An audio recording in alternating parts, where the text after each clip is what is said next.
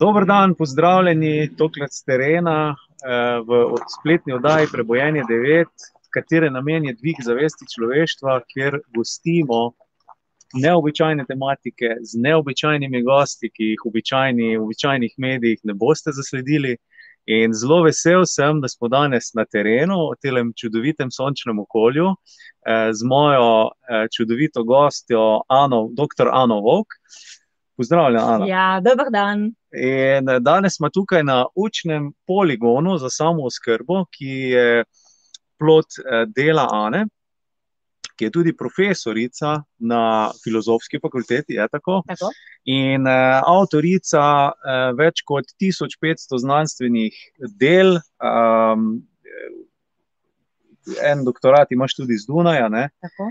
Skratka, aktivna, aktivna na akademskem področju, in kot vidimo danes tukaj in kot bomo videli, tudi na praktičnem področju. In k tebi prihajajo ljudje iz cele Slovenije. Iz celega sveta. Iz celega sveta in, je Ana je nekakšen pionir na teh, na tem področju za samooskrbo. In, danes bomo v bistvu izvedeli vse od a do ž in tudi dejansko zato smo tu, ker običajno so te oddaje, ki jih imam jaz z mojimi gosti, vse online, ampak ko sem pa tole videl, ne, da obstaja takšen poligon za samooskrbo v Sloveniji, ne, sem pa rekel: "Evo, to pa moramo iti." In takoj, ko sem Ano poklical, je bila takoj za in sva se kar zmenila. Tako. Tako da, Ana, dobrodošla še enkrat. Zdaj pa, predajam besedo kar tebi, da nam predstaviš, kaj se vse tukaj dogaja in kaj bomo lahko danes tukaj videli. Ja, najlepša hvala, Nejc. spoštovani poslušalci, gledalci, tale oddaja vas bo sigurno spremenila, če ste v spreminjanju samega sebe, v odločanju, katero pot bi šli naprej, ali vztrajate pri sedanjem vzorcu načina življenja, ki vam mogoče ni preveč blizu, in vas kličejo različni notranji glasovi, da kaj spremenite, potem vam bo ta oddaja v pomoč. Garantiram, da se boste spremenili. Namreč ste na rodovnem posestvu Vovk, od osemnajstega stoletja je tale hektar pa pol vedno bil v dedovanju, družine Vovk in pred enajstimi leti je tudi moj oče želel, da nekdo od njegovih otrok, štirje smo, prevzame, in sem se jaz odločila, večnamensko, en cilj je bil pridelava lastne hrane, ker se mi zdi zelo pomembno, da ješ to, kar svojo energijo daš, da sodeluješ z naravo, z rastlinami. drugi cilj je bil razvoj novih spoznanj, zato ker sem dolgo živela v tujini in sem videla, da v Avstriji, Nemčiji, na Finskem so veliko vlagali v zdravo hrano, v Sloveniji se je pred enajstimi leti zelo globalno začela tako imenovana globalizacija, ki je uničila še zadnji vrt, zadnji interes po lastni pridelavi hrane. In zato mi je bil cilj, da to na novo oživim, ampak z novimi metodami, ne s tistimi, ki zahtevajo ogromno dela, fizičnega truda, ker tega nihče noče. No, in tretji cilj mi je bil, da vzpostavim tudi tako zeleno delovno mesto in da tudi dejansko na svoji koži kot živi laboratorij dokažem, da se da živeti iz hektarja pa pol. Tako da v tem posnetku boste videli, kako tu živim, vnaprej vam povem, da uživam, da odkar sem tu, je to neznansko fajn lepo, v celem objemu narave, jutranjega sonca, večernega sonca in v sodelovanju z naravo. zato si bi zdaj najprej pogledali malenkost pridelovalne sisteme, kako lahko ob službi, ob pomanjkanju časa svojo hrano pridelamo.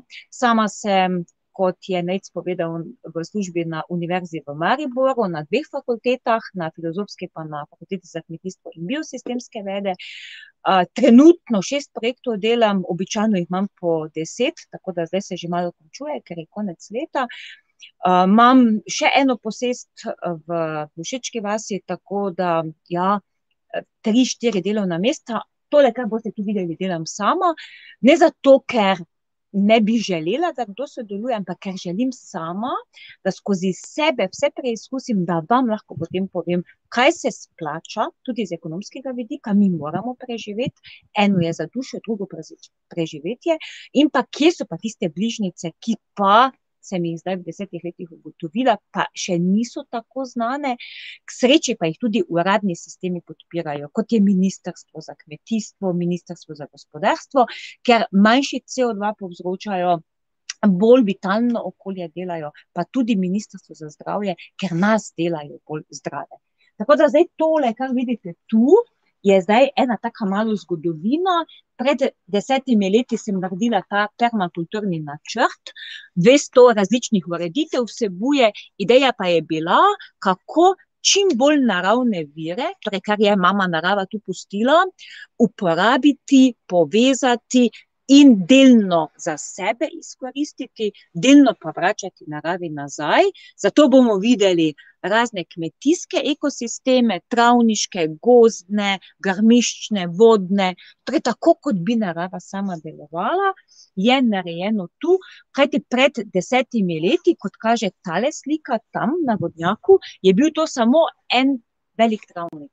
Tako da v preteklosti so samo kosili travo, nikoli nišče ničesar ni prideloval, ker je veljalo, da je tukaj zemlja tako revna, skromna, da se nič ne da. Aha, In v resnici. To je deset let nazaj bilo, Tako, sem tron. In tako. potem se ti to prerodilo. Točno to.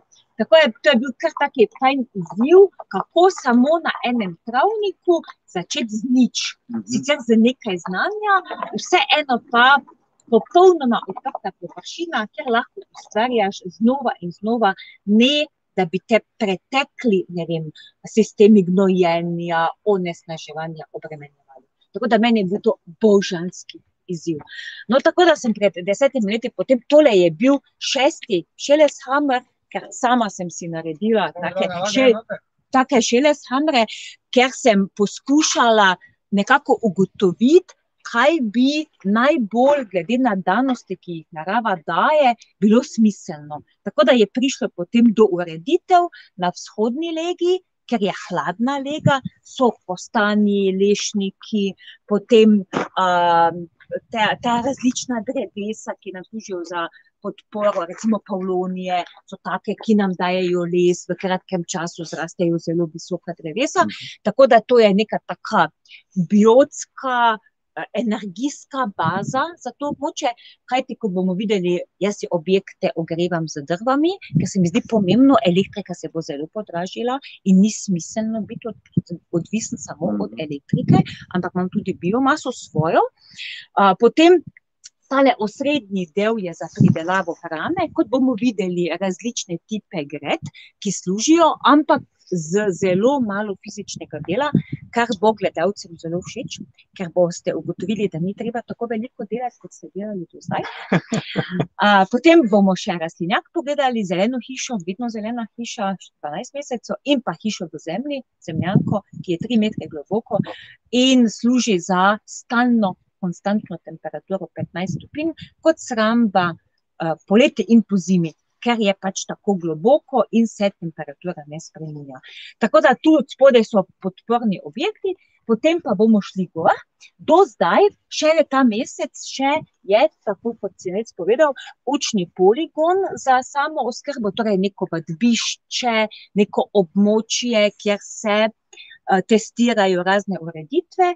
Čez en mesec uh, preidemo v Mednarodni center za samo oskrbo, zato, ker sta že vzpostavljena center vitalnega življenja, kot ga bomo videli od zgoraj, ker vitalno življenje ni samo, da si ti sit in ne uh, žejen, ampak da ti dejansko imaš notranjo energijo. Tako da od zgoraj so storitvene dejavnosti kot podpora ekosistemski kmetiji, ker celotno to območje na hektaru pa pol je pa uradno registrirano kot ekosistemska kmetija. To pomeni kmetovanje s pomočjo zelenih sistemov, potem dreves, grmičevja, vodnih virov, tako kot v naravi je, in ne kot recimo tam, kjer je samo ena velika njiva in čisto nič druga. Recimo, tista njiva ni primer ekosistemskega kmetijstva, ampak tako heterogeno, ker lahko razne živali, kot so bogomolke, ki so najviše na prehrambeni verigi,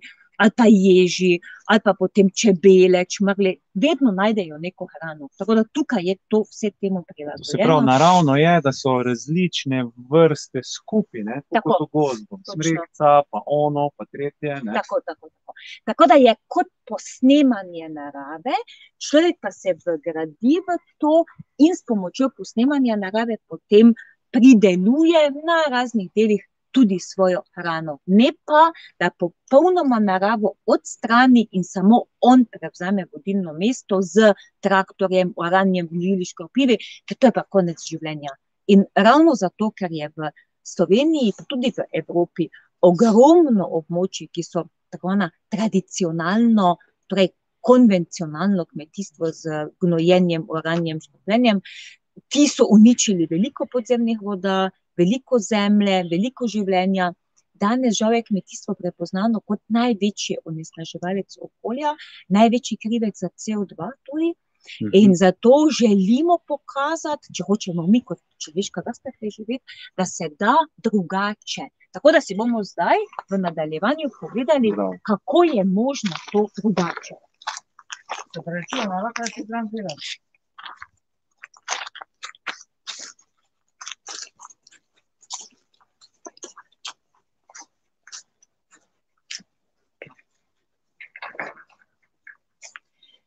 delati. takole, zdaj smo na prvem takem pridelovalnem sistemu, temu se reče gumile. Zdaj vidimo, da so sistemi taki, da imajo obliko hribčkov. Če tega sistema ne bi tako naredili, bi tu bila klasična njiva, ki pa bi, glede na to, da je tu potrebno uh, orati, uh, bi bilo potrebno orati, obračati zemljo, ker v osnovi je tu zelo zbita glinasta zemlja. Torej, zelo neugodna, to je tudi razlog, da v preteklosti nišče tukaj ni kmetoval. Zato sem, ko sem prevzela to posest, uh, naredila tak analiz zemlje, moje osko področje so tudi analize zemlje, in sem videla, da gre za pseudogleje, to so zelo zbita, trda tla, po kmetijski klasifikaciji nerodovitna tla, zato ni bilo smiselno nive narediti, ampak take gomile, ki imajo od spodaj les, v sredini je ovčja volna in pa stare cunje, in na vrhu je zemlja. Če bi zdaj samo malo odvrnili, pa pogledali, kakšna zemlja je, vidimo, da je to taka zemlja, ki si jo večinoma vrtičkari pa kmetovalci želijo. Uh, torej temna, potem ima veliko koreninic, nič ni zvita. Če bi malenko še pogledali, bi kakega deževnika našli. Do take zemlje pridemo lahko samo na način, da od spodaj veje in les, ki je naložen, pošilja zrak na vzgor, torej ta zemlja vse čas diha, medtem ko pa stare cunje in pa volna ovčja, ki so pa v sredini, pa primejo padavine, ko padejo, tako da od znotraj je voda, ki se, ki se zadržuje v tem starem materialu, večinoma je to odpadni material, ovčjo volno in stare cunje so skurili vedno. Ne? Tu se pa uporabi za zadrževanje vode, od spodaj prihaja zrak, tako da rastline lahko s koreninami gredo po vodo in one same črpajo vodo. To je zdaj že vse zimska nasaditev, štiri letine so bile letos, to je zdaj četrta letina. V klasičnem vrtu imamo tako, da imamo po dve letini na eno leto. Torej, enkrat več, ko pridelamo, glede na zaporedje, po površini je pa ta hribček faktor tri. Tako da, če bi stegnili to površino, je trikrat več kot ta spodnja površina. Tako da se gumile obnesejo na tistih območjih, kjer je zemlja zbita, trda, ker nimamo časa, da bi prekapali, rahljali, ker tega nič ni potrebno. Torej, ko mi gomile naredimo, samo pomembno je, da jih obrnemo v smeri sever-jug. Tam je sever, tu je jug. To pa zato, da ni severna stran od zadaj. Če bi bila cela stran od zadaj, bi potem zima zelo ovirala rast rastlin na severni strani. Zato severno stran izničimo, tako da smer neba upoštevamo. In ko jo naredimo, je to vse. Samo pomembno je, zelo veliko lesa rabimo, zato ker preden mi naložimo na recimo 15 metrov les, vsaj kakih pol metra visoko, ker ta les se stisne, rabimo ogromno. Zato poziv ne kuriti obrezanega drevja, torej ostankov, ne metati v stran bioloških odpadkov, vse to sodi v grede. Tako da rabimo res veliko biološkega materijala, rabimo veliko starih cunj in pa volne. Stare cunje lahko dobimo v centrih ponovne uporabe, mora pa biti, volna, bombaž, svila, konoplja, torej ne material, ki je proti dežju, ta material ne velja. In te cunje zložimo tako v obliki kep, torej ne v ravni liniji, ne kot da bi zlagali v omare, ampak tako v obliki kep, da ko padejo padavine, se padavine lahko vpijajo in da zemlja lahko vpija vlago. In na ta način imamo stalno zalivalne sisteme. Tukaj je bilo poleti sedem vročinskih valov po osemintrideset stopinj plusa, nikoli ničesar nisem zalila in je čisto vse preživelo. Kajti če vi daste prezgodaj rastlini vodo, potem bo rastlina začela s koreninami vodo iskati navzgor in bo potem vedno deležna suše. Če pa ji ne date, bo pa ona vodo iskala od spodaj, seveda pa voda mora biti od spodaj, ker če bi na tako klasično površino, taka zemlja, kot je tu, te vode ne bi držala, rastline ne bi preživele. Pa igra tudi kakšno vlogo, da je zemlja pokrita, da potem se voda Tako. tudi zadržuje bolj Ja. v zemlji? To je pa ključno. Torej uporaba zastirke, slame v tem primeru je ključna. Ko padejo poleti te močne padavine, te zadenejo na slamo, te dežne kaplje so kar močne. Če ste bili kdaj zunaj, ko je močno deževalo, dejansko skoraj kot udarci. In ko padejo na to slamo, potem voda zleze v zemljo, slama je povoščena in noče piti vlage. Tako da slama vode ne prevzame, gre navzdol, potem pa, ko sije sonce, bi vlaga sicer izhlapela nazaj, ampak slama ne vpije vlage in zato ostane spodaj. Zato kjerkoli odgrnemo, je vedno vlažna zemlja od spodaj. In to tudi v največji vročini, vidimo že po barvi, da je temnejša, in kar je zelo pomembno, zemlja je zelo rahla. Ta zemlja nikoli ni zbita, tako kot se običajno na vrtovih zgodi, kjer se pojavijo ploskve in morate potem z motiko to rahljati. Tukaj ni potrebno, ker je zemlja sama po sebi že dovolj rahla.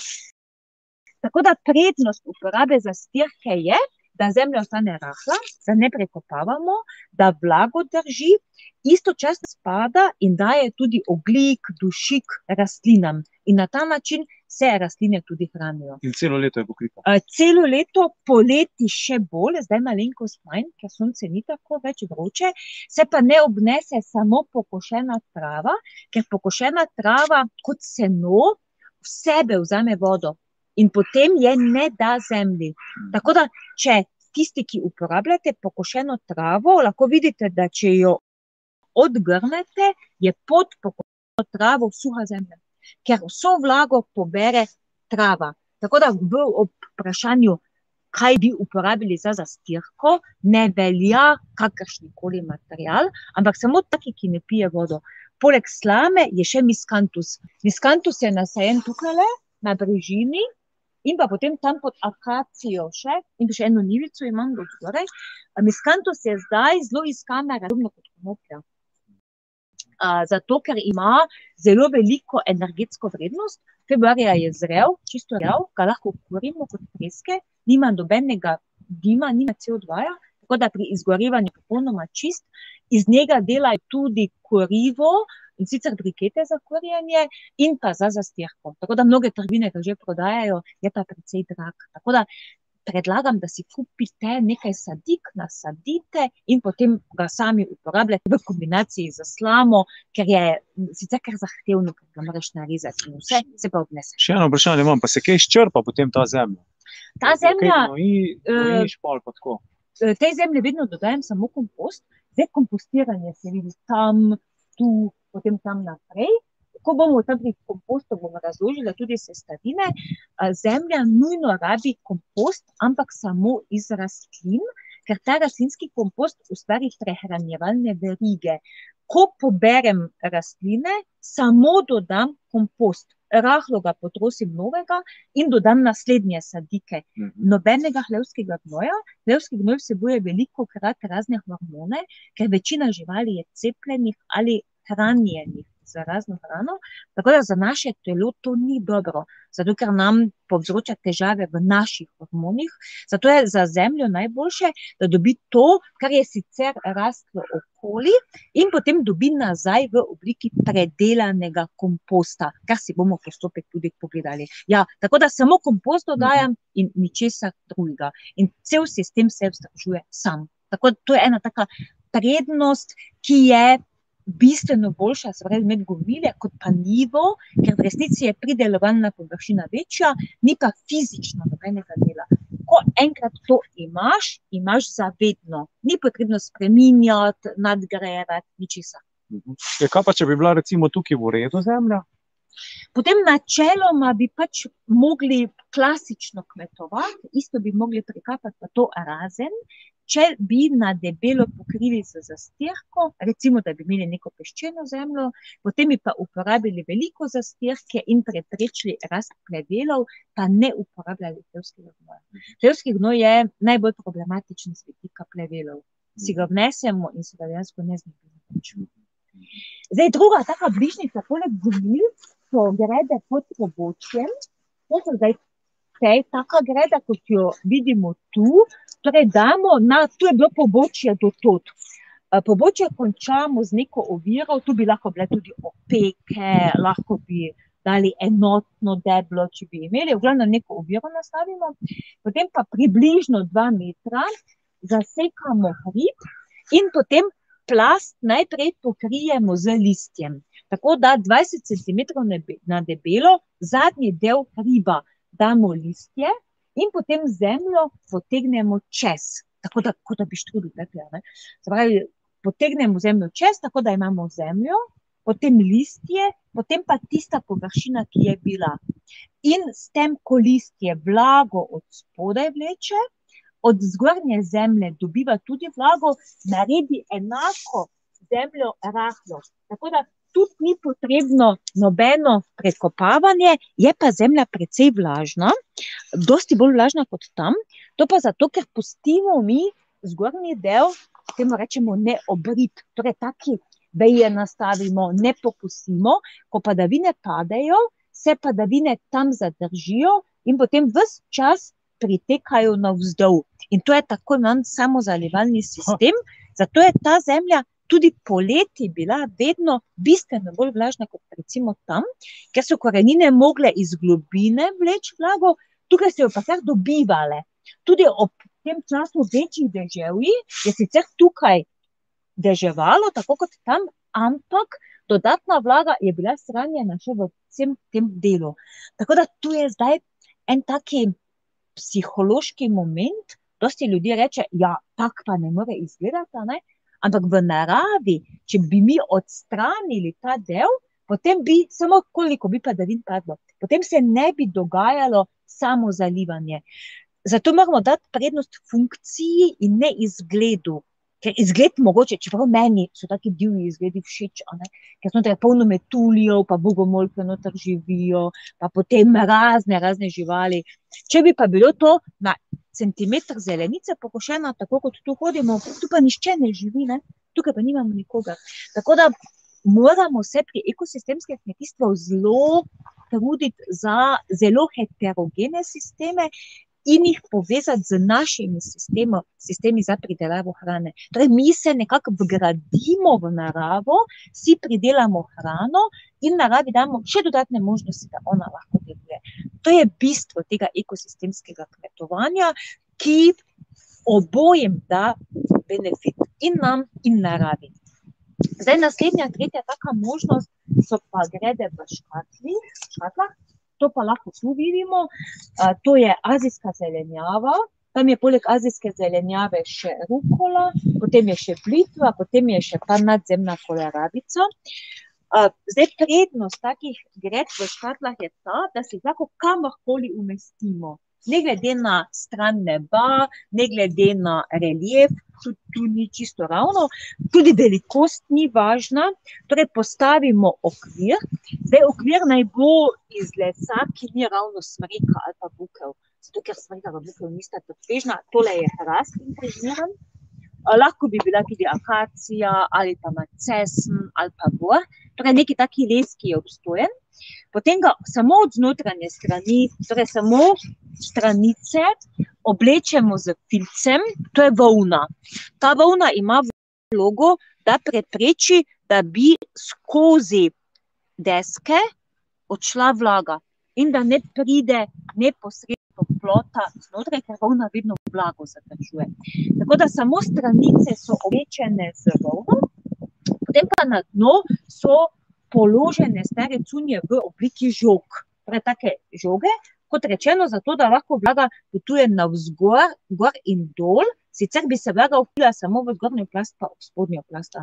Zato pridejo vse stare cunje, ki jih imamo, kar na debelo naložimo, praktično do vrha grede, potem pa dodamo zemljo, ki jo delamo sami. Zdaj tudi tu vidimo, da je zemlja rahla, da ni zbita, kjerkoli vzamete na teh gredah, je vedno zemlja rahla. Čez celo sezono, nikoli se ne zbije, ker cunje pošiljajo vlago navzgor in je dovolj vlage, korenine pa svojim koreninskim sistemom gredo med cunjami in pijejo to vlago, hranila pa dobijo od zemlje in komposta. Tako da zemlja se naredi tako, da se kakršno koli zemljo imamo, jaz imam tam en izkup, kot si ga bomo pogledali, premešamo z mivko, ker mivka vsebuje kremen, kremen vleče svetlobo na sebe, svetloba povzroča gibanje in na ta način kompost integrira v zemljo in nastane hitro, tedno dni normalna zemlja in lahko kmetujemo. Tako da ni dobene potrebe, da bi zemljo kupovali. Tako da te grede so zdaj za konc tega tedna jih pokrivam dol, porežem še vse, to bom nekaj posušila, nekaj bom zmrznila, to azijsko zelenjavo lahko zmrzujemo podobno kot brokoli, torej tudi kot solata, ampak je dosti bolj konsistentna in jo lahko potem imamo za juhe, kot praženo, lahko jo damo kot smuti, karkoli. Uh -huh. Uh, potem pokrijem dol, in ker od znotraj je zdaj zemlja vlažna, in pa cunje so še tople od sonca, potem začne vlaga krožiti, tukaj se naredi kondens, ko bo pokrito, in je potem to samo zalivalni sistem do 1. marca, odvisno zdaj, kakšna zima je.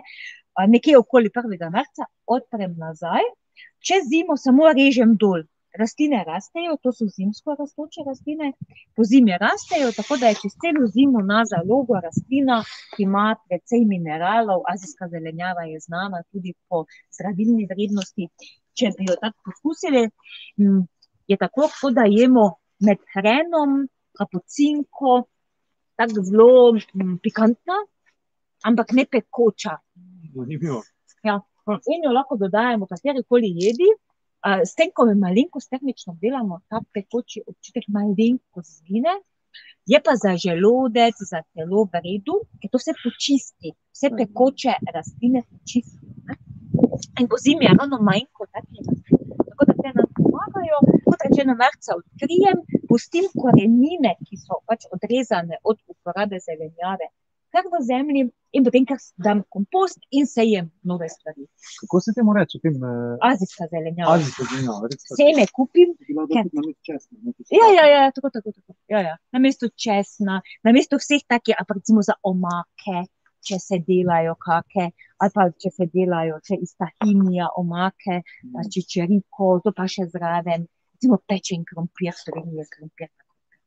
ne. Pečen krompir v kockah, pa potem to zraven, je to super. Ali pa s testeninami, reže, ali pa še. Ampak to se pa poleti se pa ne pokriva. Ne, 1. marca okoli odprem in je potem do 1. novembra odkrito. Zdaj funkcija je pa, da imaš tudi po zimi zelenjavo. Ker če, bi, če ne bi bilo pokrovov, pade sneg, zelo močen mraz, bi potem rastline oviral v rasti. Te tudi po zimi rastejo, ampak vseeno sneg bi jih potisnil navzdol. ne. Bi še kakšna druga zelenjava tu uspevala, poleg te? A, po? Motovilec, a, potem a, te razne kolerabice, potem čebula, česen, a, potem zelo zgodnji grah Ja, take, ki so na zimsko sezono vezane. Mhm. Lahko, ne pa neke poletne, recimo, neke poletne solate, tu ne bi uspevali. Zato, ker nimajo vegetacijske dobe v tem času. Ne. Tako da gledamo, glede na naš klimatski pas, pa na temperaturne razmere. Dobro se obnese azijska zato, ker ima ve, veliko več kot običajna solata. Običajna solata je 90% vode, tam ima pa veliko več mineralnih snovi in tudi ta zdravilni učinek, enako kot rukola, recimo. Ne. Da, te se bolj obnesejo. Tako da jaz izbiram take, ki dajo tisto, kar mi ne moremo dobiti od sicer obstoječih rastlin. Ja. Tada, še, en tak, še ena bližnjica, tako do zdaj ste lahko videli samo bližnjice. Ne? Torej, ali del hriba uporabiti, ali gomile narediti, ali neke škatle vmes postaviti. Tu je še ena bližnjica, temu se reče pa kompostna greda. Uh, v prejšnjih primerih ste morali neko gredo narediti, v tem primeru pa nič, samo odlagate material, ki ste ga od nekod pobrali. Ali odrezan še traj, trava porezana, torej samo ob straneh nalagate material in potem, če nimate nekaj sejano še, recimo, ta greda moja je zdaj šest let stara, ta kompostna deluje sama tako, da a, zdaj, ko bom blitvo pobrala, pa ognjič, bom samo zagrnila to skupaj, torej tako. Tako, pa bom čez zimo pustila, to bo vse čez zimo razpadlo. Sicer se še bodo delci videli, taki grobi, ampak ne bo več te biomase. In potem takoj zgodaj spomladi bom že sejala noter redkvico, zgodnjo solato, ker bo to razpadlo v kompost. In enako je vsa ta zemlja nastala, ki jo tu vidimo, to je vse kompostna zemlja. Ta zemlja ni bila delana posebej, ampak je samo iz odpadlega materiala. Zdaj, recimo, ta ognjič bo šel v cvet, bo kar tukaj ostal. Torej, pristop kompostne grede je, da na licu mesta zbiramo kompostni material, ostanke rastlin, ki so zrastli, pa nam nekako ne pridejo v štev. Potem jih damo v kupček, v, kupček, v neko tako verigo in pustimo dva, tri mesece, čez zimo je najboljše, čez poletje pa samo v taki premici sejemo, kaj želimo imeti. Ne prekapamo, ne obračamo zemlje, samo poberemo, potem zopet zagrnemo, kar se nam bo nabralo čez poletje, pa zopet sejemo.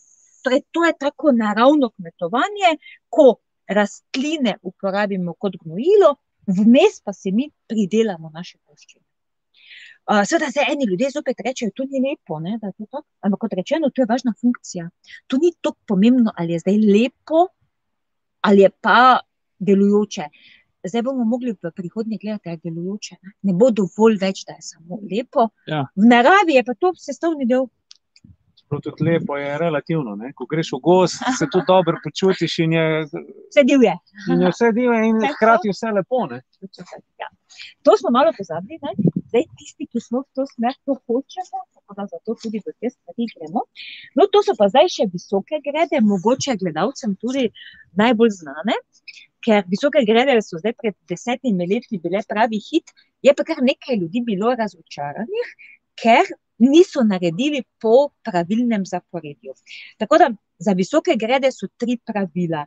Prvo pravilo, ne dajete plastike, torej ne oblagajte jih od znotraj z čepasto folijo ali pa z navadno plastiko, ker plastika vsebuje ftalate, to so mikrodelci, ki v naše telo preidejo skozi tega, da to pride v zemljo in povzročajo razne bule, rakava obolenja in podobno. Zato se plastike izogibamo, tako da naredimo tako, da samo štiri špice nabijemo, tu vidimo eno, te grede so zdaj deset let stare že, tu pa tam vidimo, vidimo, da so že razpadle, in potem te gor pribijemo krajnike, ki so zdaj tudi že delno razpadli, ker v desetih letih to razpade, ti stari krajniki so zdaj tu od znotraj. Ne. Se pravi, dobimo tako navidezno gredo, ki je nič ne stane, zato ker ti krajniki so ostanki lesa, ki vsak zmeče v stran, ki niso uporabni za nič drugega, nam pa služijo kot blokada, kot izolator, zato ker potem mi na ta notranji okvir nastavimo zunanjega. To je pa hrast impregniran, ki pa ima od znotraj zaščito teh krajnikov in zato vlaga ne preide ven. ampak ostane od znotraj. Vemo pa, tukaj je že res propadlo, se več ne vidi. Aha.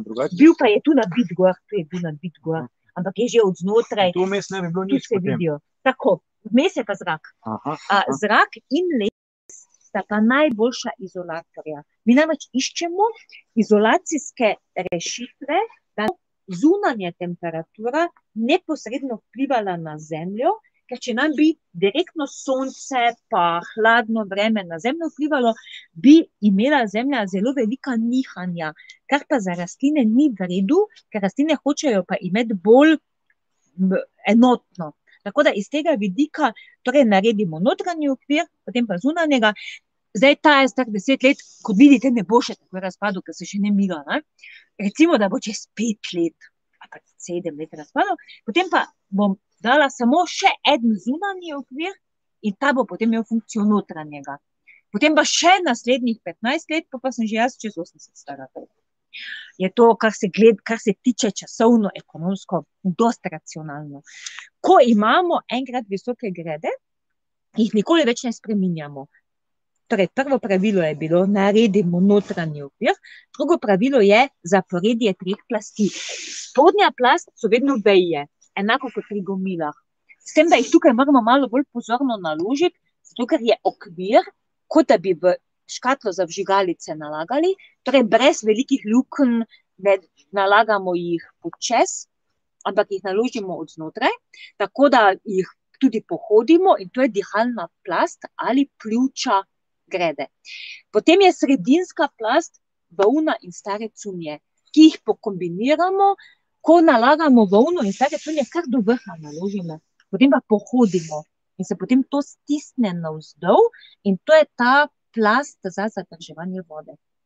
In potem od zgoraj posujemo zemljo, s tem, da na profilu bomo videli, kako zemljo delamo. Pa zdaj, če tu pokažem, zopet lahko vidite, da je zemlja rahla. Torej, vse povsod lahko vzamemo z roko zemljo, ne da bi rabili lopatko. Na običajnih vrtovih, če sedaj pogledate, ima zemlja že skorjo in ne morete kar z roko vzeti, je zemlja zbita. Medtem ko pa tu ni in zato ti razni vrtičkarski ki na sveti pravijo jesensko rahljanje zemlje, torej prekapanje. V teh primerih tega ne rabite, ker nimate kaj prekapati, ker je zemlja itak lepa. In tak poziv, a, stalno preobračanje zemlje, stalno prekapanje ni ugodno, ker mikroorganizmi živijo tako, da v zgornji plasti živijo svetloljubni, v spodnji plasti pa temnoljubni. In vsi imajo svoje funkcije porazdeljene, da delajo življenje v zemlji.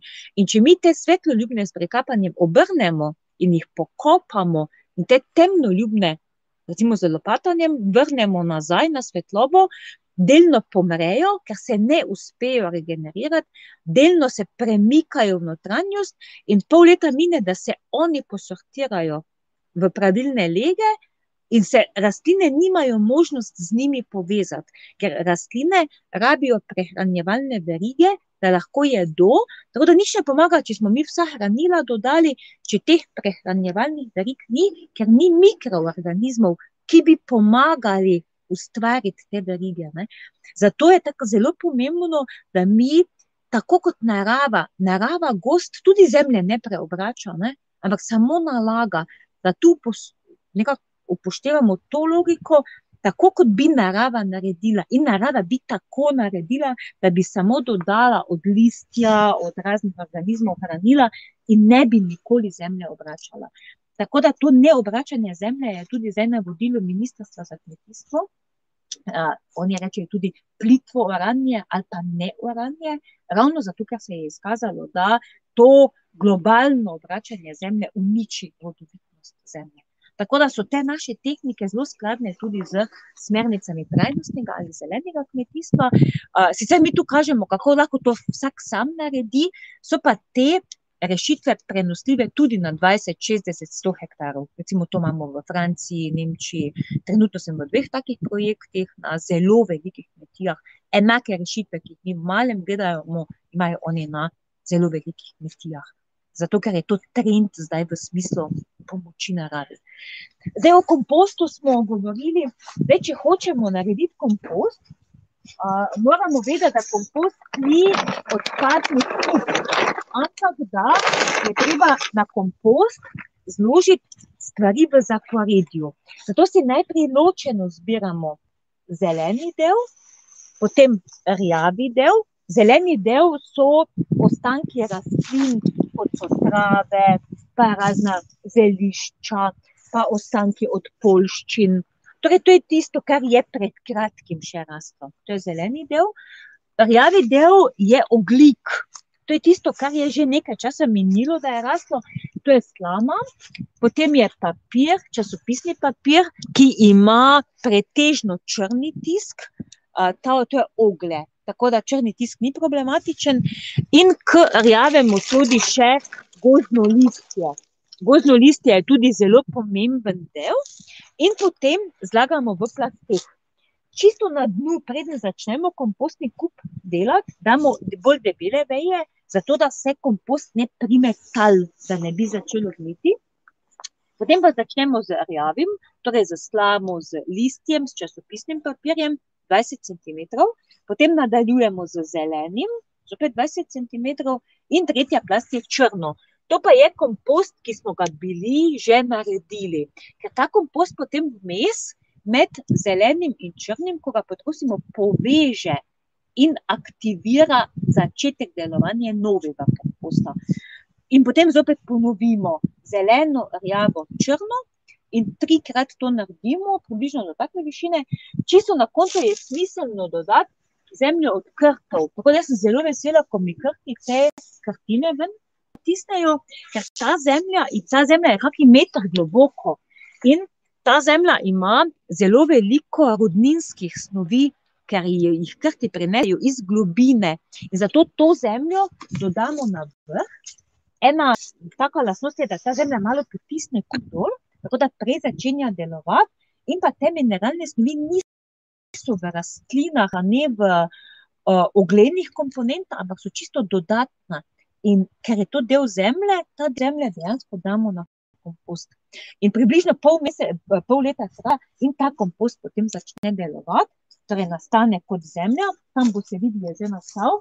Je pa pomembno, da ga pokrivamo, ker če dolgo dežuje, pa ga ne bi pokrili, bi cel kup bil premoker in bi začel gniti. Če pa je e, vročina, ker zdaj več ni, ampak poleti, se pa cel kup izsušil. Zato ga vedno pokrivamo in ga samo odkrijemo, ko dežuje, za en dan, potem ga pokrijemo.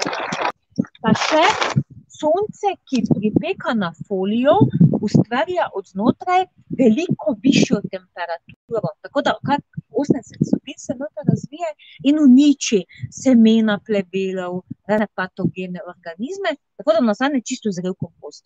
Tako da to si lahko vsak naredi, je pa zelo pomembno, da mi ne mečemo situacijsko, tako da bi recimo to razumeli kot kompost, ne? da bi kar nalagali stvari, to potem ni kompost, ampak rabimo po plasteh v logiki zeleno, rjavo, črno.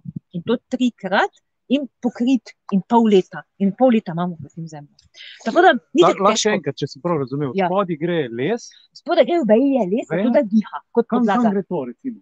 To je zeleni del, to je druga plast. Aha, za les. Plast, tako, ne, samo les pride od spodaj samo zato, Aha, da mi ne damo okay rjavega dela, če bi mi zdaj slamo dali neposredno na tla, bi, ker seveda tla so vlažna, začela slama gniti. Zato naredimo tako, da vmes damo razne ostanke vej in podobno, torej malenko zdvignemo, odspode so veje, lahko bi paleto dali. A, razumem. Ja. Lahko bi tudi paleto dali, odspode in nad to, zato da ima možnost tu zrak kružiti to je pomembno, ne? da ne leži čisto na tleh, potem pa tega več ne rabimo. Les, pol pride za lesom. Rjavi del. Rjavi del, aha, ok. Uh -huh. Potem pride zeleni pol del. Pa zeleni, pol pa še zemlja, gor čez. Zemlja, ampak zemlja je samo potrošena, da se vmes, ker ta zemlja je živa, ne? ker to je kompost, zato da se začne življenje. Ker mi z nečim moramo štartati življenje. Zelo vredno je, če imamo gabec, uh, meni ga je tu zmanjkalo, Uh, gabezovi listi tudi zelo pospešujejo. Mi lahko poleg komposta damo še gabezove liste, oni tudi zelo pospešujejo začetek nastajanja komposta. In potem to samo tri plasti, nič več, več kot meter pa pol naj ne bo kup visok, ker potem, če bi tako visokega naredili, bi bil tako težek, da bi potisnil dol in bi teža onemogočila zračnost. Če pa se nam zdi, to se včasih zgodi poleti, če kompostiramo, da je kup predroč, potem pa odkrijemo, pa kar ono palico, ko je zapižal, ob strani noter potisnemo in jo sem in tja migamo, da spustimo zrak od znotraj, ker poleti je težje dobiti eno enotno temperaturo, če zunaj 38 stopinj, je noter 60, 70, tako je. Mhm. Tada, potem pa z palicami dodatno zračimo, kar po zimi ni problem. Po zimi je pa celo zaželjeno, da ne pustiš temperatura. Mhm. Zdaj, vse tu okoli boste lahko videli, mogoče ste že polno nekih sistemov, ki privabljajo žuželke, ptiče. Namen je, da bi z nami sobivali vsi. Torej, jaz tu ne ubijem nikogar, ne ose, ne čmrla, ne divje čebele, nikogar. Vsi morajo z nami sobivati, zato ker potem tvorimo enotni biotski krog. In vsi so eden drugemu hrana. In oni skrbijo tudi za opraševanje, tako da, če se le da, postavimo mi čisto enostavne ureditve, ni treba nič posebnega, torej ni treba kupiti hotelov za žuželke, ampak kar tako luknjice zvrtamo in se potem oni noter naselijo. Je pa tako, sicer tam imam en kozovc, so čebele, divje se naselile, je čisto polni panji so, ker divje čebele nimajo domov, samo po zimi se vselijo, potem pa odidejo, ne. Sicer mi tu ostanejo, ampak ne čuvajo doma. Če pa je dosti takih divjih ureditev kot to, pa one niti tega ne rabijo, ne. Ker potem živijo kjerkoli v, pod hosto, pod grmom ali pa kje. Tako da, tiste, ko vidimo, ko se kupujejo ti hotelčki, so mogoče malo zapravljanje denarja, ker ni potrebno, ker lahko mi to tako naredimo brez nekega večjega. Zdaj vam bom pokazala, kakšna zemlja je tu, torej zakaj so ti pridelovalni sistemi nujni.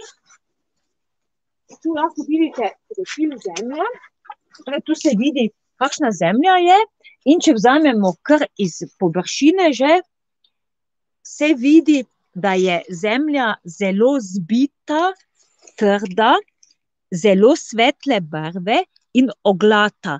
Kjerkoli poskusimo, ima vogale.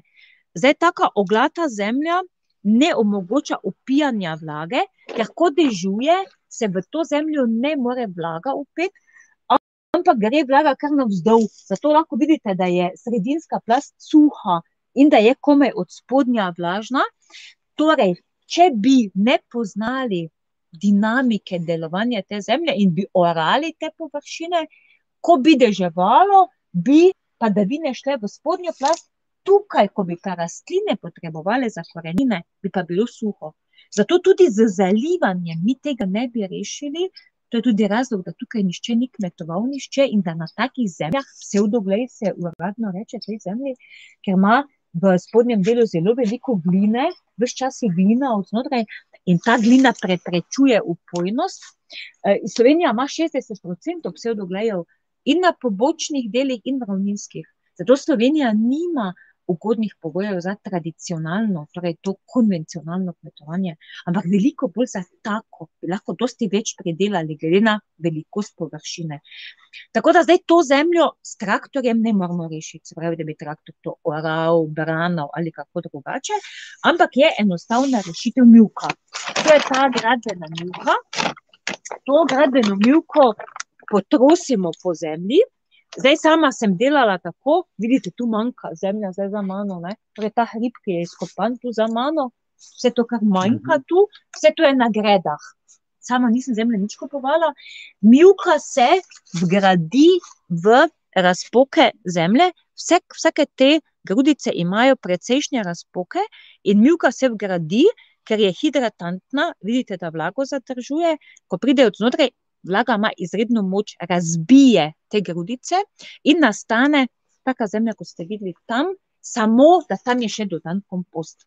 Tako da moramo imeti pripravljenih več kompostnih kupov, potem pa samo kombiniramo mivko in to, v mojem primeru res zelo slabo zemljo, večina ljudi ima boljšo, ne, to je res ekstremno slaba zemlja. Uh, recimo v tem primeru dam malenkost več kot pol vedra zemlje, pa ostalo milko. V večina je potrebno tako, da damo tri četrt zemlje, pa četrtino milke. Tudi če recimo se nam zdi, da je zemlja v redu, kar se tiče, pa da noče več roditi, ali pa da se nam zdi, da se kakšni škodljivci razvijajo, je milka dobra rešitev. Milka ima minerale. Če pogledamo, se sveti, tu vidimo, da se sveti milka, ne? ti svetle, svetleči delci, in to je kremen, od kremena mineral.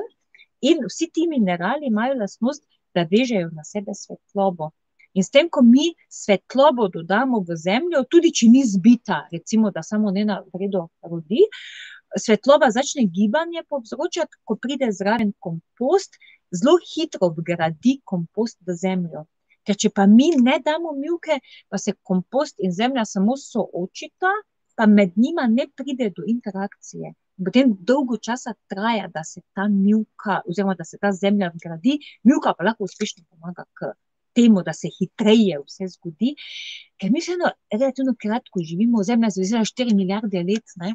mi pa živimo tam 80, 90. Sto mogoče. To je tako zelo malo. Ne? In zato rabimo neke bližnjice, ki jih koristimo, da lahko vsi na čim bolj naravni način pridelamo.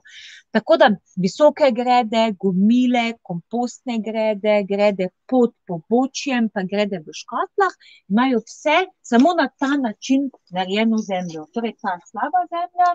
V kombinaciji z milko in s kompostom. Ta kompostni kup je malenkost starejši od prejšnjega, kot smo ga videli, tako da tu je že zdaj več zemlja nastalo tu se vidi, da je že razpadlo, je še nekaj, ampak tu se zdaj živili nova nastala zemlja. To je zdaj zemlja iz prej tistih ostankov, ko smo videli. Ne? Še dva meseca pa to razpade in ta zemlja že lahko gre na grede. Tako da nič nismo naredili, vidijo se ostanki papirja, to je zdaj tisti les, o katerem sem govorila, se tu bolj vidijo, torej da diha od spodaj in taka zemlja vse sama nastaja. Je pa res, da se kup zelo zniža, ker je iz bioloških odpadkov potem za 30% od celega volumna pride komposta, in rabimo več, ne?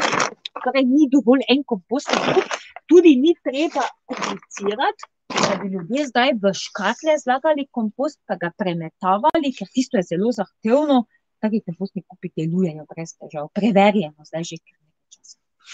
Tako da to je, tu smo zdaj pridelovalne sisteme pogledali, zdaj bi pa vstopili še pogledat v rastlinjak, kako pa lahko mi različne rastline vzdržujemo pri življenju in kako jih lahko celo leto potem tudi ohranjamo. Zdaj tu spotoma, mogoče samo vsa deževnica se zbira, torej vsa voda, ki pade, kje se zbira, ker zalijejo vse samo rastline, ki se presajajo. Potem, kasneje, se nobena rastlina več ne zalije. Torej, ko pride iz sadike v svojo zemljo, se zalije, potem pa ničesar več. Tako da zato v bistvu rabim težavnico, ker voda iz vodovoda za zalivanje ni, ker vsebuje klor in uniči delovanje mikroorganizmov. Tako da iz tega vidika samo težavnica. Zanimivo, ne? ker drugače pa ljudje vrtove skrivajo. Zato je zemlja na vrtovih uničena. Sama se ukvarjam tudi z analizami vrtov.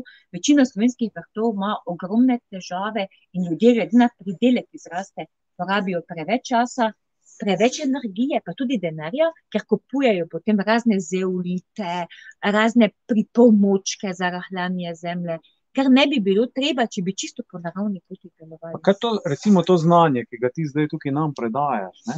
A so to ljudje nekoč imeli, pa so pol skrenili s poti, ali je to zdaj evolucija, ki prihaja nekako? Ne? Ker, ker to, kar zdaj počnemo, je, je čist nekako skregan s to naravno logiko.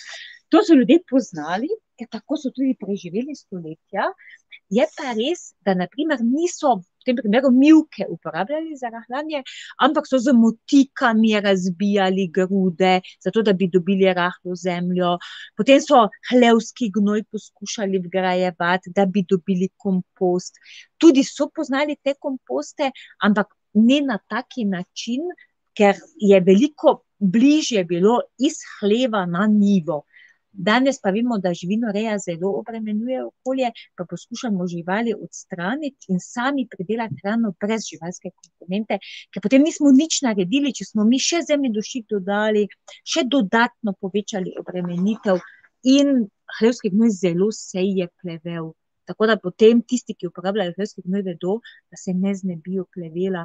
Tu pa je cilj ne pletje, torej tu se ne pleje, torej si ne bomo plevela sami sejali. Mm. Tako da tu se gledajo malo bližnjice, da si ne povzročamo sami nekih težav, kar ne bi bilo potrebno. Ja, tukaj mogoče samo se še vidijo visoke grede, to so pa zdaj višje kot tiste, ki so bile tam od spodaj. Jaz pač testiram razne sisteme gred, ampak nekako se vidi, tu je zdaj česen zimski nasajen, predtem je bil krompir. Ampak se vidi, da ni potrebno, recimo, ljudem delati tako zelo visoke grede. ne. Torej, polovico manj, kako so spodaj, so čisto ok.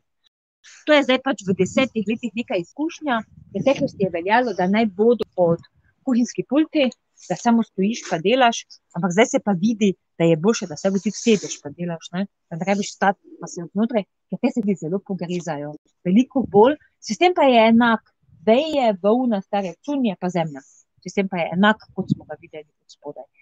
Samo mogoče to še, to, kar tukaj vidimo, so ostanki porezanega sladkega pelina, tule se zdaj še, tu pa tam sem pustila, zato da se bo sejal naprej. Sladki pelin je danes najbolj iskana rastlina, ne, če ga tako povohamo, dejansko je sladek, večina gledalcev ga verjetno tako pozna. najbolj iskana rastlina je zato, ker je uradno proti raku. ima antibiotik artimesin, ki obnavlja celice od znotraj. Če si predstavljamo celico takole, ima mitohondrij od znotraj in ta mitohondrij dobi ta antibiotik direktno in potem obnavlja od znotraj navzven. Ne tako kot običajni antibiotiki, ki od zunaj začenjajo celico obnavljati, žal prepogosto pa celica od znotraj umre. Tako da ta deluje kontra in zelo veliko ljudi se trenutno zdravi s tem. Uradna medicina ga je tudi priznala kot zdravilo proti raku in proti malariji. Je pa pet tisoč let star, iz Kitajske izhaja in so ga uporabljali zaradi vonja, ker je naravni preganjalec, insektov. Tako da če imamo, vem, vikend pa kaj pa nam silijo insekti noter, damo samo par vejic pred vhodom in insekti ne bodo šli. Tako da se on tudi dela takšna destilacija iz njega, hidrolat, in je ta hidrolat njegov, če se pošpricaš, te ne bodo komarji pikali. Tako da potem, sicer se pa hidrolati pijejo, kot bomo v zemljanki videli, in so zaščita za telo, obnovo in zdaj v zadnjih časih je precej znanstvenih člankov objavljenih o nadpovprečni zdravilni vrednosti, tudi za covid. Tako da zdaj sicer še previdno čakamo še na nadaljnje raziskave, ampak že do tega hipa je spoznan kot ena taka zelo nujna rastlina. Žal ni trajnica pri nas, če ni hude zime, zato če imajo, če imate gledalci, ga sejanega, ga vsaj tu pa tam pustite, da se on naseje sam, in potem se sadike samo presadijo. Če pa je huda zima, potem pa umre. Če bi pa mi preobračali zemljo pa ga izgubimo, ker komaj maja se pojavi tako velik in ga takoj zamenjamo za plevel lahko. Tako da zato se zemlja ne sme z njim obračati in tukaj ga jaz gojim kar na gredi pogači. Tam je tudi načrt na učni tablici, greda pogača ali greda brez prekopavanja. Tako da, tako kot se vidi tukajle, tako se, saj vidite, da širim, ne, zdaj sem že omejena z naravnim fitnesom, zdaj ne morem več dalje iti. Greda je bila na začetku čisto tam, zdaj pa, se je obnesla, sem jo že drugod razširila. To gredo pogačo naredimo tako, da samo položimo na debelo seno, ki je pokošeno, ker vloga tega semena je, da ugasne travno rušo, ker najbolj problematične so te trave, ki vedno znova zrastejo, ne. In če bi mi te trave z motiko sekali ali pa z lopato, potem bi še hujše rastle. Če pa jih mi pokrijemo, odvzamemo svetlobo, fotosinteza ne more več potekati, se začne pojavljati plast zemlje, ta prva plast te grede pogače, brez koreninske osnove, torej brez plevela. In potem nato še enkrat naložimo seno, zopet znova razpade in potem kar sadimo v to noter. Tako je bil posajen v pelin, in torej nismo nobene zemlje obračali, nič, tudi nobenega dela, nikoga posadimo, ker plevel ne zraste in precej vlage zadržuje, ker vsa ta stebla vsebujejo sposobnost, da držijo vlago. Tako da to, da mi dajemo zastirko, je ključno, če hočemo, da bomo v zemlji držali vlago. In sadki pelin je občutljiv, lahko kjerkoli sadimo, seveda ne tako direktno v travnik, ne, in zato so take njive pogače idealne za njega. Kaj se potem s tem recimo naredi? Nič, on bo do februarja marca čisto razpadel. Če bi ga zdaj hoteli ven potegniti, ga ne moremo, ker ima zelo stabilna, zelo močna stebla, kot drevesa v bistvu so.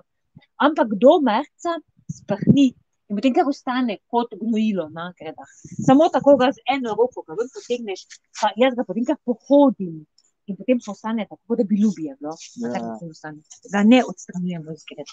In potem pride takoj nova pošta, lahko on pride, ne rabi kolobarja, uh, sadki pelin ne rabi kolobarja, lahko takoj, ali pa kakšna druga poščina. Tako da čisto vse eno, pač kaj želimo. Tukaj vidim še priprava, še enega kompostnega kupa, Tako da vidite, da je res potrebno polja pripravljena, material se zbira, zadega veliko. Mogoče res, ko si že omenila kolobarjenje, ja. no? kak je pa to pomembno recimo pri, pri tem načinu pridelovanja? Zdaj, tukaj je oni vertikalni kolobar, zato ker mi, ko imamo zemljo v višino, kombiniramo različne rastline. Torej, ne posadimo samo krompirja, a pa ne sejemo samo solate. Tako kot običajne grede na vrtovih imajo samo po eno kulturno rastlino. Tam je potrebno štiri leta čakati, da jo lahko znova. Torej, na običajnem vrtu, ki ima krompir, bo na to isto gredo komaj četrto leto zopet prišel krompir, zato ker se bi sicer razne bolezni lahko v zemlji razvile, če bi potem čez dve leti ga že dala, pa bi samo eno leto bilo kaj druga. Ta horizontalni kolobar je zelo potraten, ker od ljudi zahteva beleženje. Ti moraš vedeti, kje si katero leto kaj imel, da ne zamešaš, pa še čakanje, ne, štiri leta dolgo. Jaz imam zdaj tukaj krompir, pa nimam velike površine, imam štiri leta čakati, da ga lahko zopet tu imela, ne. Pri teh sistemih je pa ravno vertikalno kolobarjenje, pa mi rastline mešano sadimo, pa ni mogoče, da bi se bolezni razvile, ker vse čas pridejo rastline, ki preprečujejo nekim organizmom, da bi se razvili, ker so te rastline dovolj heterogene. Zato smo lahko videli, da in visoke grede, in gomile imajo vse mešano nasaditev.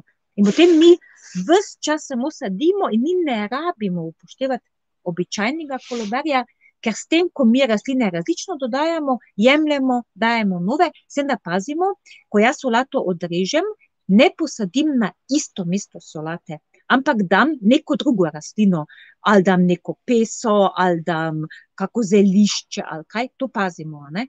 S tem, da to paziš, takoj potem, ko zelišče menjaš, pa ti že lahko daš solato, zato ker so vse okoli že zopet druge rastline, torej ni ploskovnega pristopa. In to je za take uporabnike veliko lažje, nič ne rabiš pisati, nič ne rabiš zapomniti, samo po čisti logiki delaš. Ne? In je dosti bolj prijazno. Skratka, kolobariš, ampak na, na, vertikalno. Ja. Tako, ja. Brez razmišljanja, brez. Uh, ne, rabiš do velikih površin. Ja. To je zelo pomembno, da ni treba velikih površin. Ja. Zdaj se bomo pa v rastlinjaku še pogledali. Zdaj moje rastline imajo glasbo, zato ker glasba vemo, da je prejšnjo vpliva na rast rastlin. Bravo tako da so skozi to glasbo, ker je namen, da niso same, da smo lahko čez njih. Tu lahko vidimo limono, ne, je recimo kar polno, ne, je tudi lani je bila polna, če je zunaj, zdaj je noter, tako da bo, bodo tu dozorele, tako da mi lahko rastlinjaku dozorim, dozorimo tudi rastline, ki niso iz našega temperaturnega pasu, recimo iz sredina. Drugače pa zdaj tukaj vidimo precej nizozemske nizozemske špinače. Ta nizozemska špinača je tako plazeča in jo lahko neposredno, kar surovo jemo, za umake uporabimo. Lahko jo uporabimo za sendviče, lahko jo skuhamo kot blitvo, zelo neobčutljiva, ogromno C vitamina in železa. Tako da to veliko ljudem manjka. In zato jo jaz kar med paradižnik posadim in je ona kot pokrov na paradižniku. Tu je bil uh, pelin, pri meni ima sladki pelin prednost, če se on pojavi, njega pustim, tako da se vidi, da je bil obrezan. Tudi tri je veliki, ker se z njim specialno ukvarjam. Drugače pa še zdaj, kot počakam, da bo paradižnik do konca dozorel, potem pa kar zimske variante.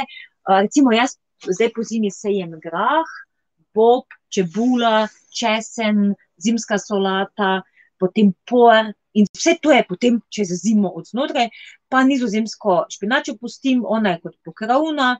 Če ni hude zime do januarja, je tako kot zdaj vidite, januar je večinoma bolj hladen že, takrat potem paradižnika več ni, februarja pa so že nove poščine vse ker tukaj imam tudi, da delam sadike, sicer je to zdaj tako malo razmetana kuhinja, glede na to, da pač je to kot delovna površina, ker se tako nekaj dogaja.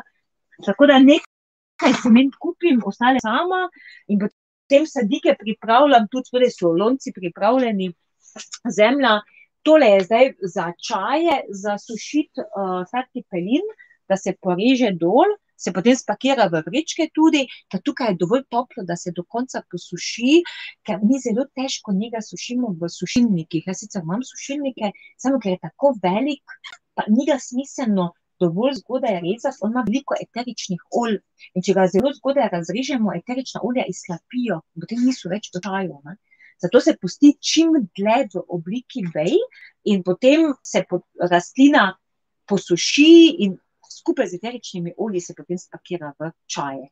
Tako da tukaj je taka, kako bi rekla, kuhinja za rastlinjak, kjer se koreninijo rastline, potem se pripravljajo sadike. Tu zdaj je zopet kompost.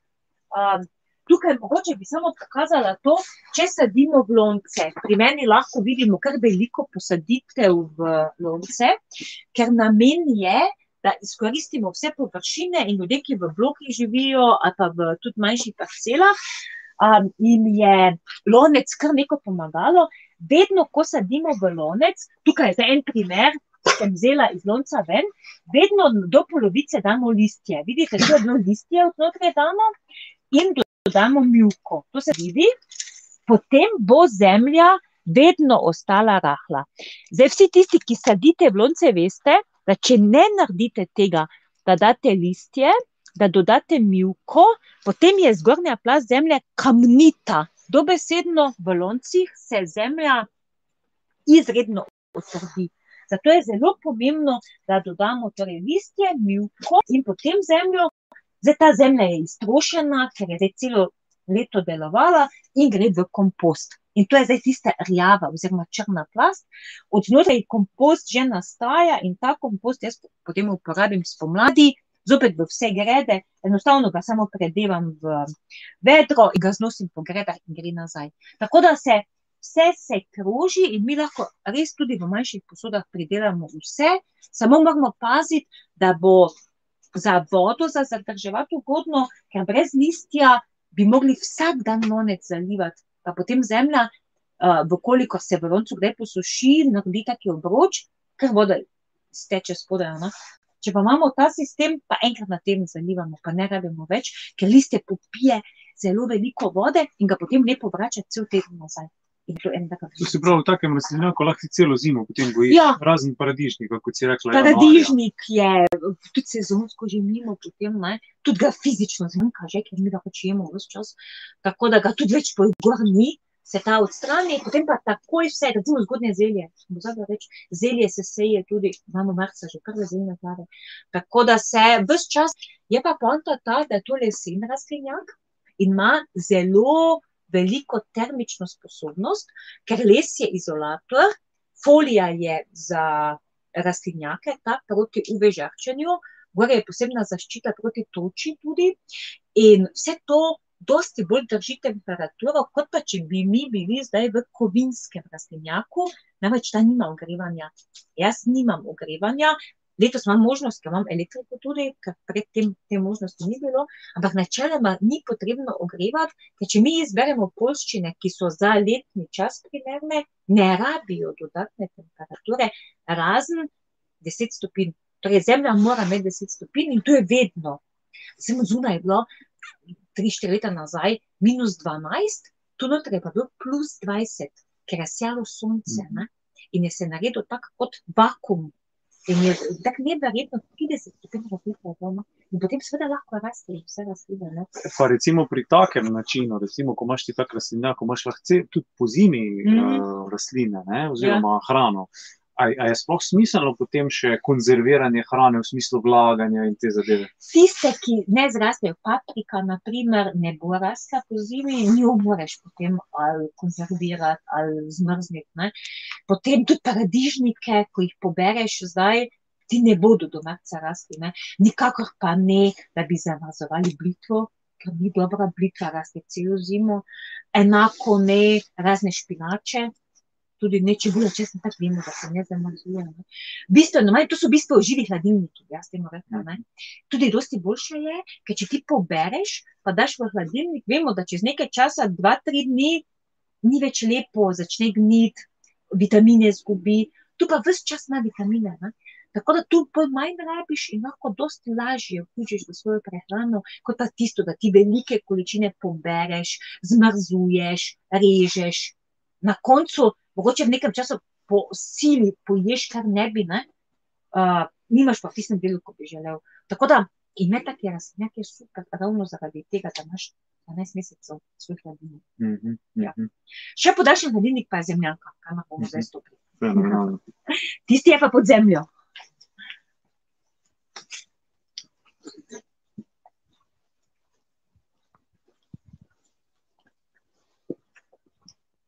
Tale zemljanka, pa vidimo, je pa na najbolj hladni strani neba, je pa na severno stran, lahko kar gremo zdaj v to smer, jaz bom samo vrata, samo vrata zapremo, ne. za zemljanko je pa ključno, da gleda na severno stran, zato da sonce neposredno ne sije ne na vrata ne na šipo, ker če bi zemljanka bila na tem hribu, bi cel dan dobivala sonce in bi s tem se zrušil njen termični režim. Kot rečeno, mora imeti enotno konstantno temperaturo celo leto. Tako da bomo zdaj to tudi opazili.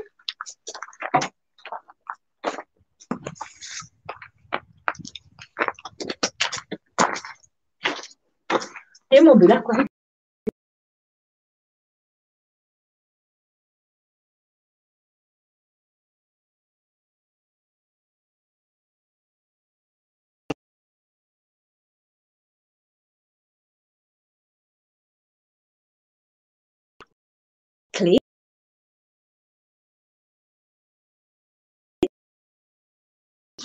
a ne, kot neka srana. Ja. ker je tri metre globoko, je tudi signal, Ja. tu še, potem pa dalje ga pa ni, tako da je zemljanka tudi ena taka cona, če hočeš biti brez interneta, potem prideš do Za meditacijo. Tako, ja. Drugače pa je zemljanka grajena iz lesa, ki ni zvit, ampak je samo tako sestavljen, kot se to tudi vidi, ker je bil namen, da se čim bolj energija Zemlje, to pomeni, poleti, ko je zunaj vroče, je tu hladno, ker je pač zemljanka v zemlji, pozimi pa obratno, ko je zunaj hladno, je tu toplo, v resnici je pa to skozi enaka temperatura in tema. Mi sicer imamo zdaj luč, od zgoraj je sončni kolektor, s tem, da imam tudi vodo noter, vodo, pa tudi običajno elektriko, je pa priklop narejen, da lahko, če zmanjka solarne energije, lahko priklopim na javno. In vsi objekti so tako tudi narejeni, da se čim bolj energija sonca.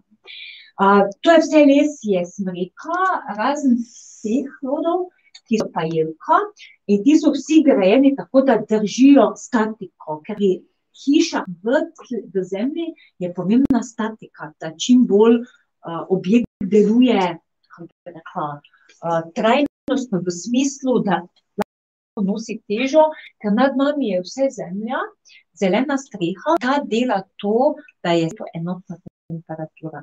Kar je ključno za pridelke, zdaj še nastajajo, zdaj še imam še za pobrati, malo me čas omejuje tudi, tako da do novega leta je to vse polno, ker jaz zdaj tako naredim, da pridelke berem, ker to je bil že mraz močen, pa idem, pa potem predelam naprej, tiste, ki tako lahko. Ne.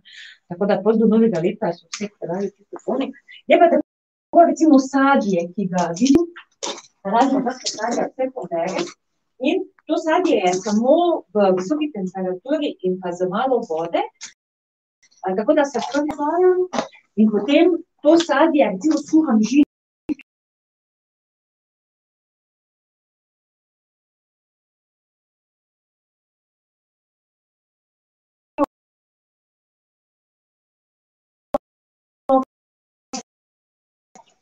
osebne kosmiče ali pa ječmen. Vedno narežem in naredim take kem posušim in je to potem kot sanduč. Tako da vso sadje, različne ploščice za zajtrke, so čili sadje tudi, sami čili imajo vpliv, to so že močni, ker so površina mala. Jaz čilijev ne morem tako nasaditi, da se oni ne bi med sabo vseeno, če gledajo med sabo prašijo.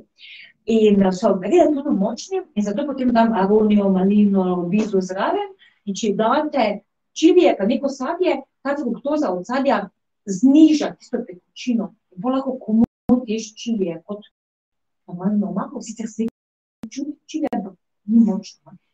To tam, ja, še pa razni sokovi, paradižnik, razne omake, To so že eterična olja, pa to je vse. Tukaj je idealna klima za predestarno destilacijo, tam se vidi tudi od spodaj. Tudi, uh, kjer se starno destilacijo, recimo žadu, ne, že ta notranji del, In če mi uh, žajbe s kontaktno destilacijo spustimo, ni nič težava, to je unija, če pri žajbe, to je neugodna komponenta. Pri čaji, naprimer, preko tega pa mi lahko potem ena jušna žlica v vodo ali v čaj, pa lahko mi to normalno pijemo, pa uh, si krepimo sistem vratu, recimo kakva obolenja, medtem ko sladki polini v zelenih teh steklenicah, no, on je pa za celostno obnovo uh, celic, njega moram še spakirati, je še tam precej uh, materijala, steklenic in vsega, tako da potem pa še na meto, mejovo, artičoko, dejansko vse, kar zraste, pri meni gre v predelavo, torej ne samo v čaje, v vloženine, ali pa v kisano hrano, ampak tudi v tako, ker ena taka, zdaj, da mi želodec nahranimo, druga stvar pa je, da mi energijo našo nahranimo. Naše energije mi ne moramo nahraniti z običajnim sadjem, ampak s pomočjo eteričnih olj, s pomočjo hidrolatov in to se mi zdi zelo pomembno, da bi na nekih kmetijah imeli možnosti, ne samo krompir, zelje so, ampak tudi zelišča, pa potem razne zgradine ker se z njimi lahko zelo vse iz vidika času, ko danes živimo, ko ne vemo, kaj bo jutri, to bomo videli bolezni. To tako se mi zdi.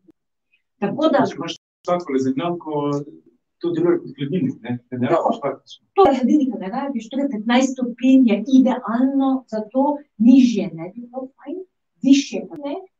zdaj edino krompir, zelje pa nekaj v fizični obliki, ne.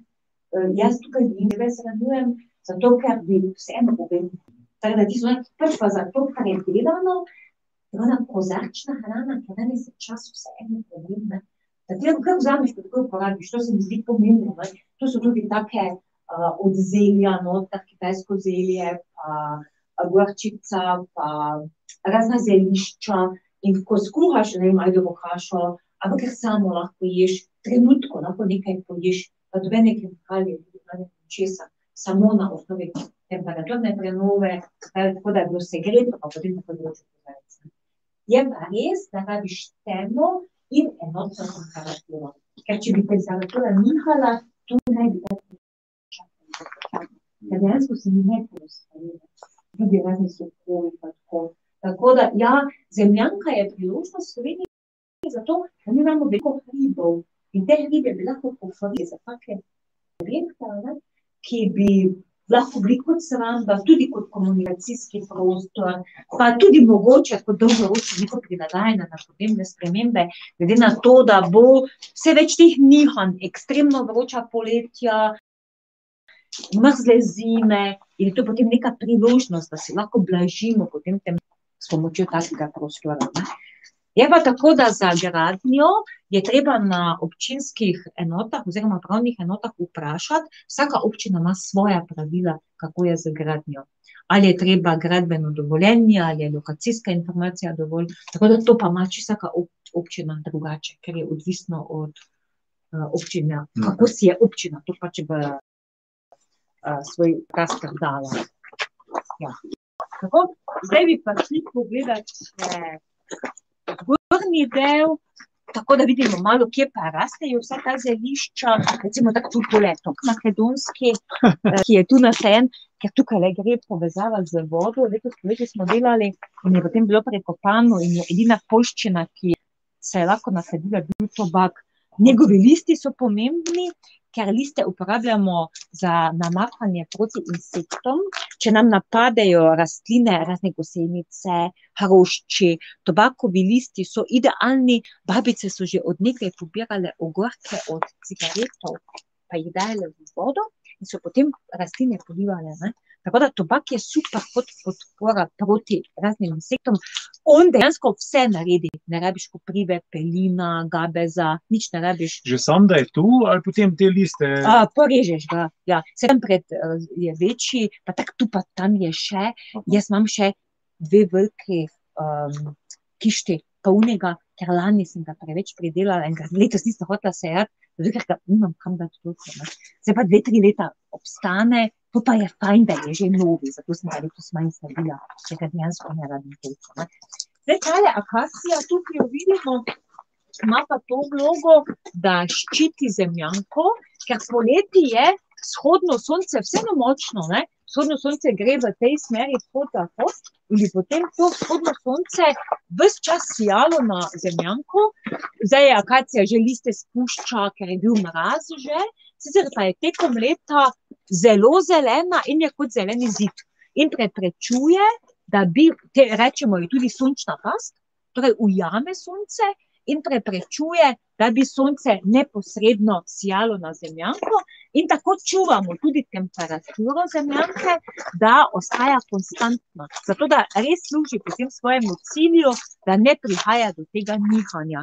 Tako da tu so skupaj povezani vsi sistemi, tudi recimo miskantus ga lahko zdaj vidite tu, ko se goji, torej to je ta trava, ki je namenjena za, za spiranje, cela zemljanka se drenira podtalno, ker seveda ima streho zeleno in tudi veliko vode pride, ne, voda ne ostane na zeleni strehi, ampak gre dol in te cevi vse speljane k miskantusu, da ga, hranijo. Ker miskantus, če pogledamo, kake liste ima, ne, miskantus ima take ozke, dolge liste in vse rastline, ki rabijo veliko vode, imajo točno take liste. Pa če vzamete to šaš ali pa trst ali pa rogozz, vsi imajo take liste, ne, in tudi on, torej on rabi veliko vode in on ne bi mogel tu uspevati, če ne bi dobil vodo iz zemljanke. In to je drenažna voda, ki bi pa sicer tu odtekala in bi to izgledalo grdo, odnašalo bi pesek, ker veste, koliko se iz streh vode nabere v nekem času, ne. Tako da je tu poanta ta, da je vse med sabo povezano, da ima vse neko funkcijo, da ni nič na poti, nič ni ostanek, nič ni odpadek. Recimo tudi ta hrib tu, ta hrib je zato tu, ker cel teren visi. In v jeseni se zgodi, letos sicer ni bilo, ko so močna deževja, pride iz zadnjega hriba, ker je zelo strm, zelo veliko vode, ker to so vse glinasta območja in voda se nima časa vpiti. In potem je ta voda kar tekla naprej pa potem tu ostala na parkirišču, zdaj pa je ta, temu rečemo bionasip ali rastlinska četica, tu spredaj pa je ponikovalna površina, kot taka skleda, dva metra je vkopana, je tudi nasajen miskantus, in potem voda najprej tu noter pade, potem pa, koliko ne uspe se tam ponikniti, pa obstane zadaj, ne more naprej, ne. tu gor je pa potem posajen pelin, ta navadni pelin, večina ljudi pozna njega. On je tako izredno močen, je že porezan bil, to je že zdaj sekundarno, ker je bil taki. Njemu pravimo gasilec tudi, ne. če te boli želodec, samo spiješ, recimo tole za liter vode dovolj za čaj, nič več, ker je premočen, spiješ malo pelinovega čaja in imaš želodec takoj urejen, ne. Ali pa tisti afterparty pa take zadeve, je tole idealno za gašenje takih požarov, zato mu pravimo tudi gasilec. tukajle je vodni vir tudi. jaz sem te vodne vire iskala kar s temi magnetnimi antenami za vodo in seveda sem bila zelo srečna, takoj ko sem prišla na parcelo, se je tu sekalo, je bila, ampak edini, potem se je komaj pojavil čisto odzgoraj. Gre eno, eno tako zvezdno zidino, ampak od zgoraj je lani presahnilo.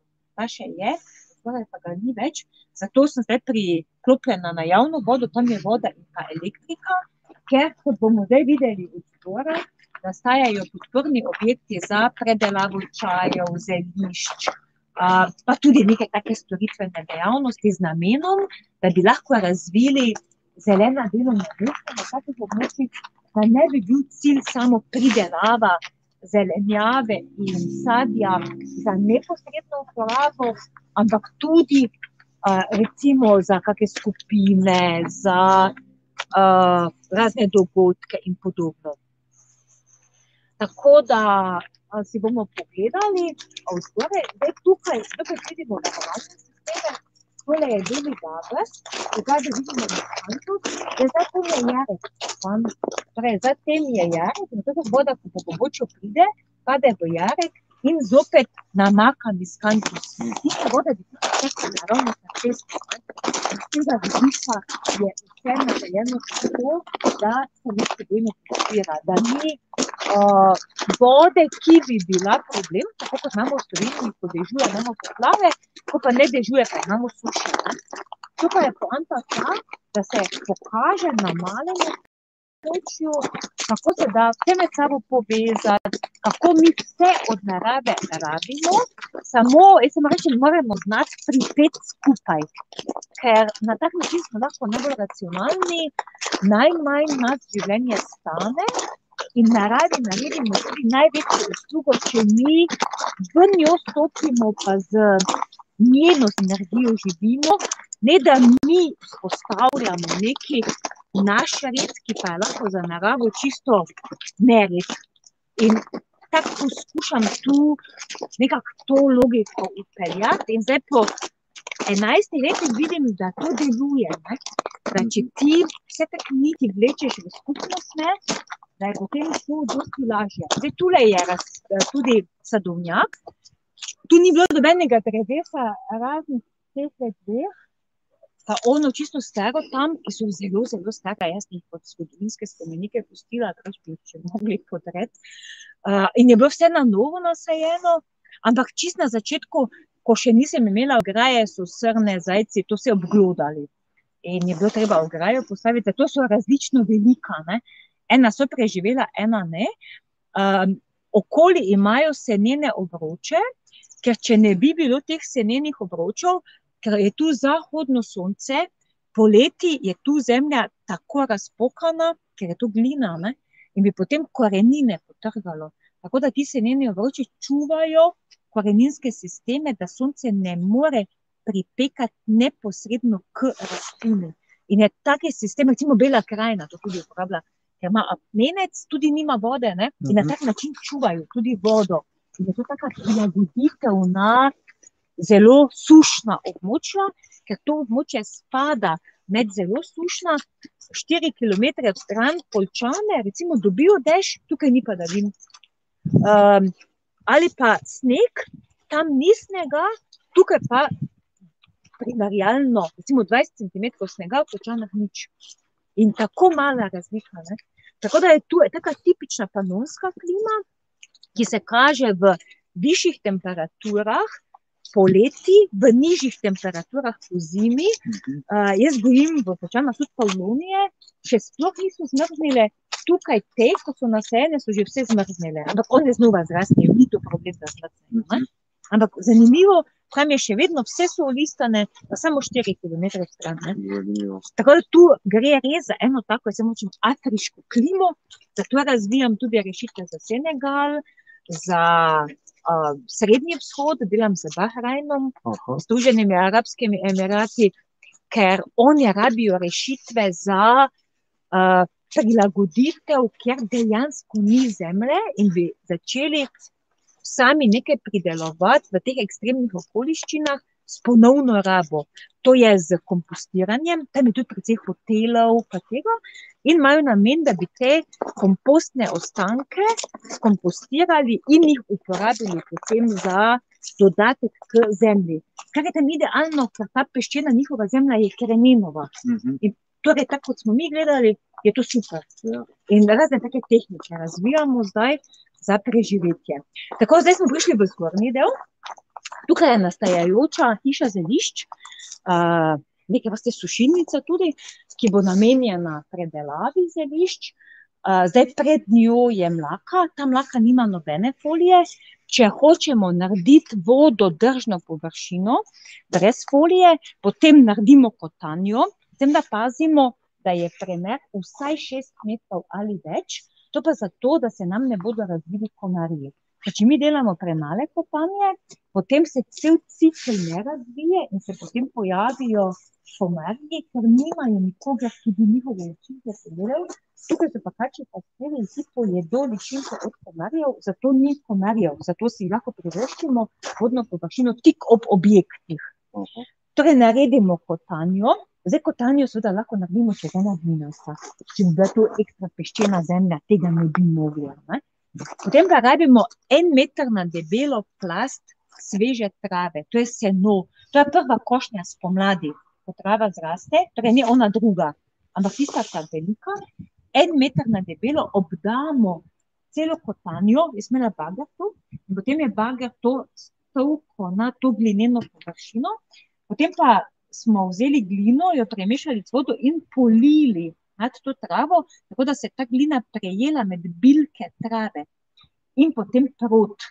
In potem, ko se ta zemlja, ta trava stisne, nastane kot neka zemlja, in nastane kot plastik, in vode ne prepušča.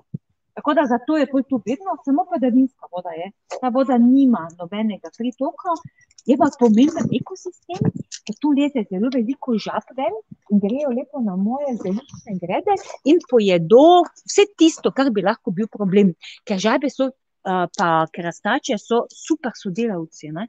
One pojedo razne ličinke od, od teh um, gosenic, raznih metuljev, ki bi ogrozili pridelek. Tako da imam jaz tu za svoj delovno silo in jo vse vzdržujem. Zato so dobre svoj domek. Ja. Uh, ta lega in ta lega navzgor um, so primerni za termofilne rastline.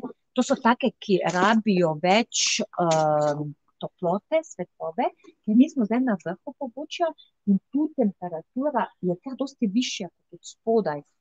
Uh, zato tu ni bilo smiselno delati zelenjavnih greb, ampak je špirala z zračno harfo. Zračna harfa igra, ko piha veter, ima strune nastavljene v smer vetra in je še ena taka podpora in rastlinam, in meni tu. Uh, pri čemer te zeliščne grede ne rabijo pojnih plasti, ampak so samo je naložena zemlja z mivko. Tako da je zemlja rahla, pa kompost tudi, ne pa zadrževanje vlage, ker če bi rastline, žajbelj, meta, melisa, imele preveč vlage, potem ne bi razvile eteričnih olj. Mi vemo, da zelišča rastejo na skromnih, kamnitih rastiščih in zato jim tako rastišče tudi damo. Tako da zato potem lahko nastanejo res tako kvalitetna eterična olja, pa močne vonjave, ker se rastlina mora bojevati za obstanek. Če pa bi jo mi gojili v namočenih, uh, pognojenih površinah, ne bi imela nobenega vonja, ne, kar pa ni ideja. In to je idealno ta del za zelišča, medtem ko pa zgornji del pa je namenjen za čaje, zato tam nastaja tudi čajnica, uh, ker nekako ljudje nujno rabimo tudi možnost vstopa v sebe. Uh, s tem, ko smo zadovoljni, da smo se gibali, da smo nekaj zdravega pojedli, je to en način, potem pa se tudi moramo umiriti, uh, se znati sabo povezati. In zato je od zgoraj zen vrt tudi, uh, bomo pogledali, in pa potem še nastajajoči čajni vrtovi, ker je še zdaj malo gradbišče, tako da čez zimo potem dokončam te čajne vrtove. In ena taka ravnotežnost, torej čaji za eno tako umirjanje, pogovore, gore bodo tudi predstavitve novih knjig, predavanja in podobno.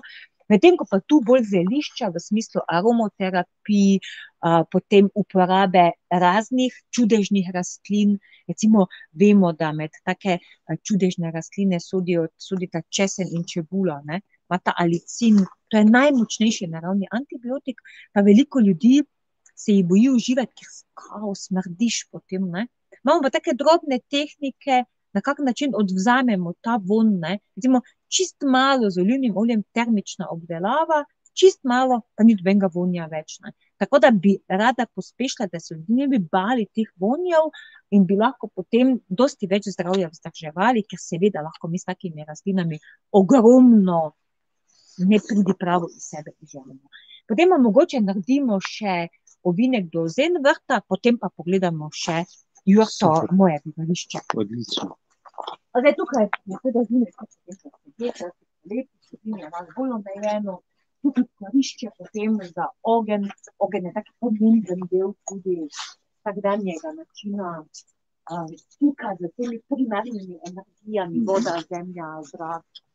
Uh, tako da je bilo poskušeno to, kar narava dala, pa ni dala dosti, ampak vse nekaj izkoristiti. Vidim, da imaš tudi sončno elektrarno. Ja, do, predla, do lani sem bila vezana samo na sončno uh, energijo, po zimi sem imela težave, ker je bilo premalo. Uh, zdaj pa z uh, temi objekti sem šla v pridobitev gradbenega dovoljenja in s tem imela tudi možnost priklopa na vodo in elektriko. Tako da je možnost preklopa, ko zmanjka sončne, je pa preklop. Ta sončna elektrarna ima še neko baterijo. Ja, ja, štiri velike akumulatorje do tega spodaj, ja. pa še je to premalo po zimi. Tako da, tako kot je fajn sončna energija, tako ima omejitve. Uh, rabili bi ogromno akumulatorjev, recimo, če bi hotela popolnoma, tako kot zdaj živim, vse me priklopljeno sem na sončno. Teda, sončna je lahko en support, je pa zelo težko, da bi bila edina energija, sploh za pralni stroj, pa take zadeve, mm -hmm. ki porabijo kar dosti elektrike. Uh, zdaj se nam barvajo tu nešple, nešpla je edina, ki letos ni zmrznila, je precej polna, še tam spodaj je ena. Uh, nešpe bodo zrele, ko bo še nekaj mraz, ker zdaj so še trde. Ne? dejansko funkcijo, da nam iz črevesja, iz resic, poberejo vse, kar taka predelana hrana, pa mogoče hitra hrana, ostane v črevesnih resicah. Nešple štiri na dan lahko poješ, poberejo ven in dajo v prebavo. Tako da nešple so po naravni poti naravni spodbujevalec prebave, tada jaz jih vlagam tudi in dosti ljudi, ki ima težave s prebavo, zdaj se taki, ki predsedijo, pa jejo mogoče bolj tako hrano, a ne predelano, ala moka pa tako in nešpe zelo pomagajo. Tako da jaz jih tudi obožujem, zato jih tudi gojim kot neko tako podporno drevo, dve drevesi sta. Potem so pa cele rumene, to so pa mrve, tale je črna, ta je rdeča, potem pa ona od zgore je bela, Tako da mrve so pa poznamo, tako zelo, zelo stare sorte, so pa tako kompaktne in jih lahko kar v vrečki imamo za malico zraven, lahko si jih že damo, niso tako kot maline, ki se zmečkajo. Ne? Tako da so mrve zelo tako fajn, zgodne so, ena izmed prvih sadi, pa kar pozabljene že in jih lahko uporabimo tako podporo, zlasti na daljši. Zdaj pa prihajamo k zen vrtu, zen vrt je kameni vrt, bistvo zen vrta je, da ima čim manj zelenja, da ga oblikuje ta pesek, kamen in pa taki navidezni lovilci uh, spomina, torej da nam ujame misel. Jaz sem pač izbrala Budove ekipe, lahko bi bilo tudi kaj druga. Uh, tukaj poteka tudi, tukaj je potegnjena ta peščena pot, poteka tudi najmočnejša energija, bioenergetiki so merili, in to je tudi zelo močna zemeljska energija. Tako da je v redu, če imamo parcelo, da si damo to tudi izmeriti, in tam je pametno imeti objekte, ki to podpirajo. Ne. Tudi hiše so na, vse na teh lokacijah, kjer je dobra zemeljska energija. Uh, zdaj, tu se bi lahko tudi usedli, zdaj je sicer malo hladno.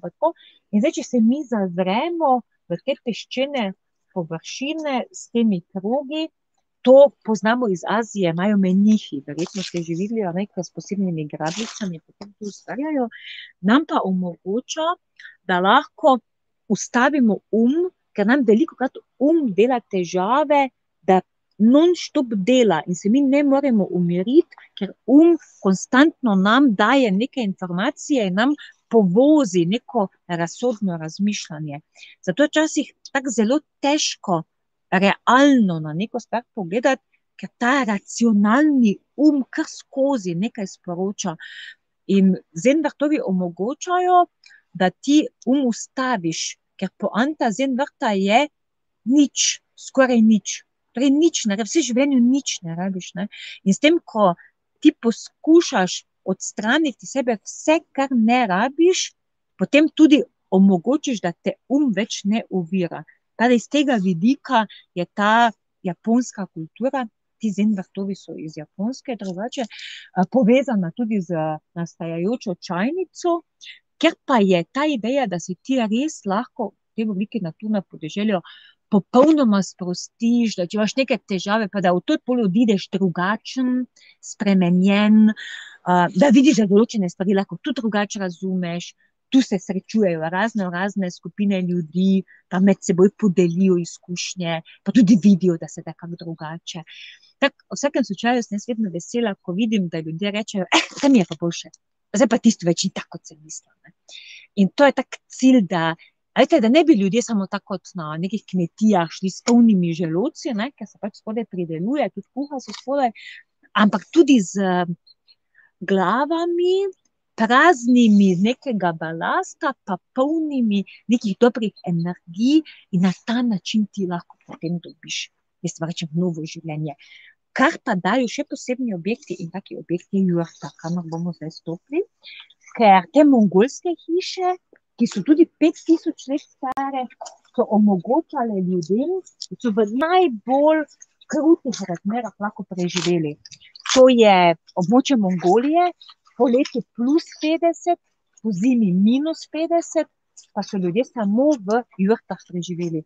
In zato imajo te jurte tudi ime mongolska jurta, preprosta tent mongolska jurta, to je ta, ki si jo bomo pogledali, ker poleg mongolske jurte obstajajo še tako imenovane čezatlantske, to so tiste, ki jih na otoke gradijo, pa so na pilotih in so na pol na morju, pol na kopnem. In potem obstajajo še kontinentalne jurte, ali evropske, in tudi rečejo, to so pa tiste, ki nimajo te macesnove strukture, ampak imajo že stebre. To so podobno, kot so uh, hodovčki. Ampak meni osebno se mi zdijo te mongolske nekako najbližje, najlepše. Zdaj, te jurte so vseeno neka sveta bivališča in si mislim, da bomo tam, da nam gremo v buči noter. Da upam, da vam to ni problem, da to. Uh, pa so tako opremljeni tudi. Tudi tople so, boste lahko videli, uh, so grajene s posebno strukturo tudi, tudi imajo posebno energijo. Zakaj so Mongoli lahko preživeli potem v teh jurtah? Zato, ker je, oni so imeli še poleg volne, so imeli še kože in pa iztrebke iz od živali in so vse nalagali gor, torej na streho pa na stene, da jih je grelo. volno, iztrebki, dlaka, listje, vse so naložili in je to bilo tako zavetišče.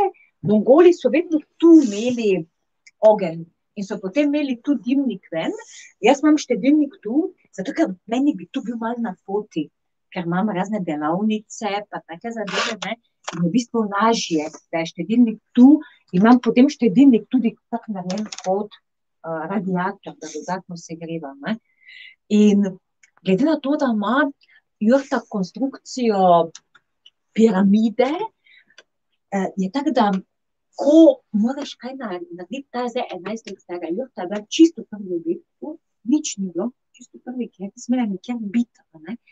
Vse, kar ste danes videli, lahko je nastalo tu. Torej, čisto vse sem domislila tu, ker je postavljena na takem dobrem polju, kar se tiče energetsko, in ta piramidna oblika ti omogoča tudi odpiranje razmišljanja izven znanega.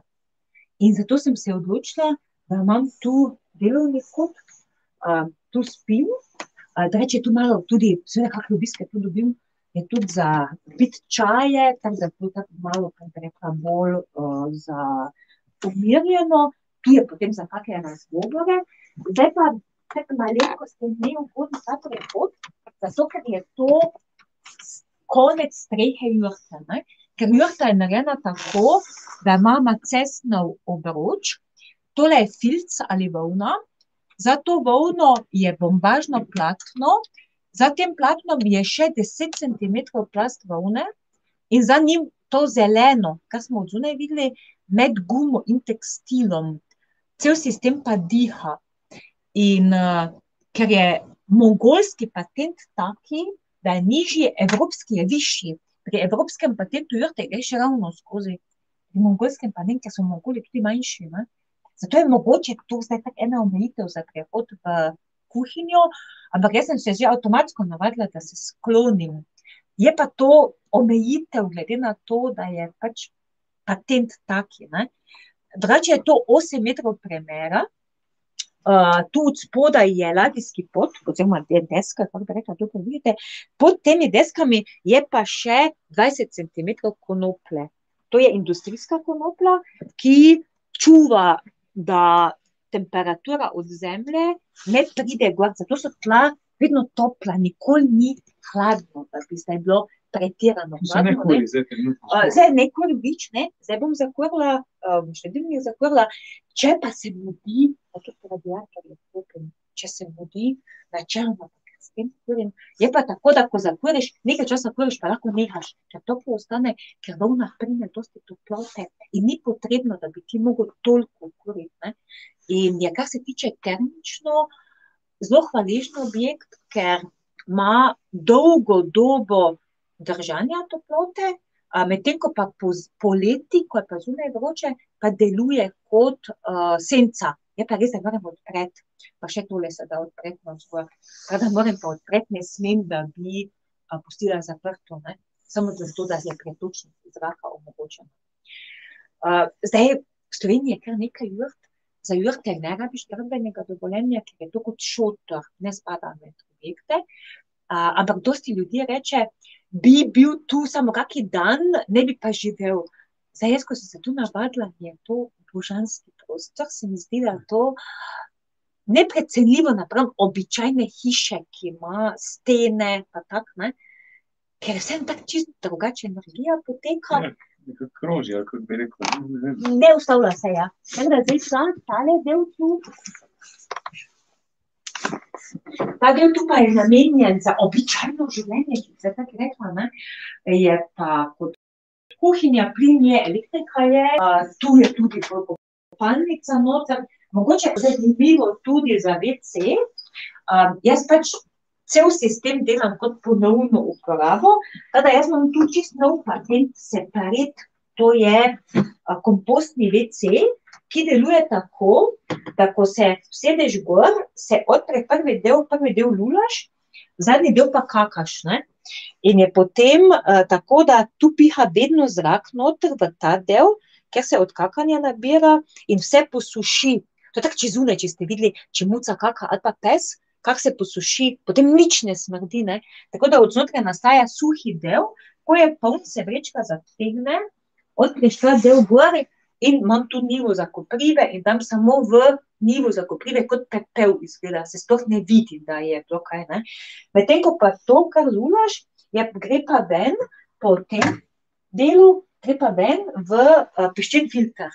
In potem uh, vse razpade, tako da ta se dobena voda ne potegne in nič. Je v celoti razpadene in ne obremenjujem nobene vode. Uh, Seveda, to zdaj ni za ljudi, ki ne želijo tako živeti, nekaj ti vseeno, ko se sedeš, moraš paziti, da lulaš v sprednji del, pa da se tako sedeš nekako v drugi del, ne, da na križem, tu moraš paziti. Tako da to, naprimer, za neke javne objekte, ker ljudje na hitro, pa tako to ne bi bilo, ker ne bi tega upoštevali. Ne. Tako da to lahko imaš za sebe, nikoli ne smrdi, pa prideš do komposta, do biomase prideš ne, na neki drugi način in nisi nič vode obremenil. Tako da meni se zdijo taki načini življenja zelo pomembni, sama se kot živi laboratorij vidim, ker zato sem šla v ta način življenja, recimo tudi ta hiška, dosti enostavna, deset tisoč evrov. Uh, večina ljudi ne bi želela tako živeti, meni se zdi ključno, da pokažemo, da je bogato življenje lahko enostavno življenje. Osebno je to čisto dovolj, jaz ne rabim več. Poletje je to drugače, poletje je vse bolj odprto še, ne, je še terasa zunaj, zdaj je pač hladno. Zdaj je ena, eh, tu se ne kuri, zdaj še nisem, je pa dvajset centimetrov prava volna. Vse v izolaciji noter, ceha, tla, vse, vse. In se Mhm. čuti izolacija, ne, drugače bi bilo dosti Tukaj pa toplarno. spodaj ni konoplje. Ne, ne, ne, ne, to pa je točkovni samo objekt, ampak je pa volna od spodaj, tu vse od spodaj je izolacija volna. Tako da iz tega vidika je objekt relativno topel in zdaj, če kurim jaz tam z drvami, imam odprto, tudi tega segrevam, ne. In ni potrebno pol nekaj, tako da je uporaba energije iz tega vidika dosti manjša. Poleti ni nobenih klim, ker je to vzhodna lega, zjutraj ravno tu pride sonce, gor je pač požansko, potem pa sonce gre naprej, pa je dejansko potem tudi takoj senca, že ne, lega. In je potem senčni del noter in ni ne vroče poleti, ne hladno pozimi, ker pozimi je pa tu zahodno sonce, ne.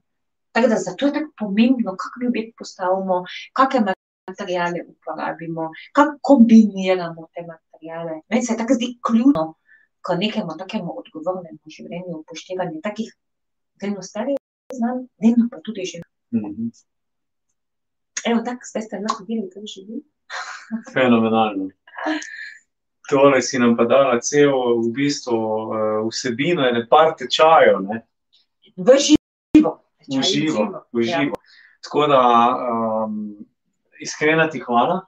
Jaz lahko rečem samo wow, uh, ker sem že veliko spraševal se, kdo bi mi to pokazal, ne, ali pa kdo bi zdaj nam pokazal, pa, pa vam, ki to spremljate. Ne.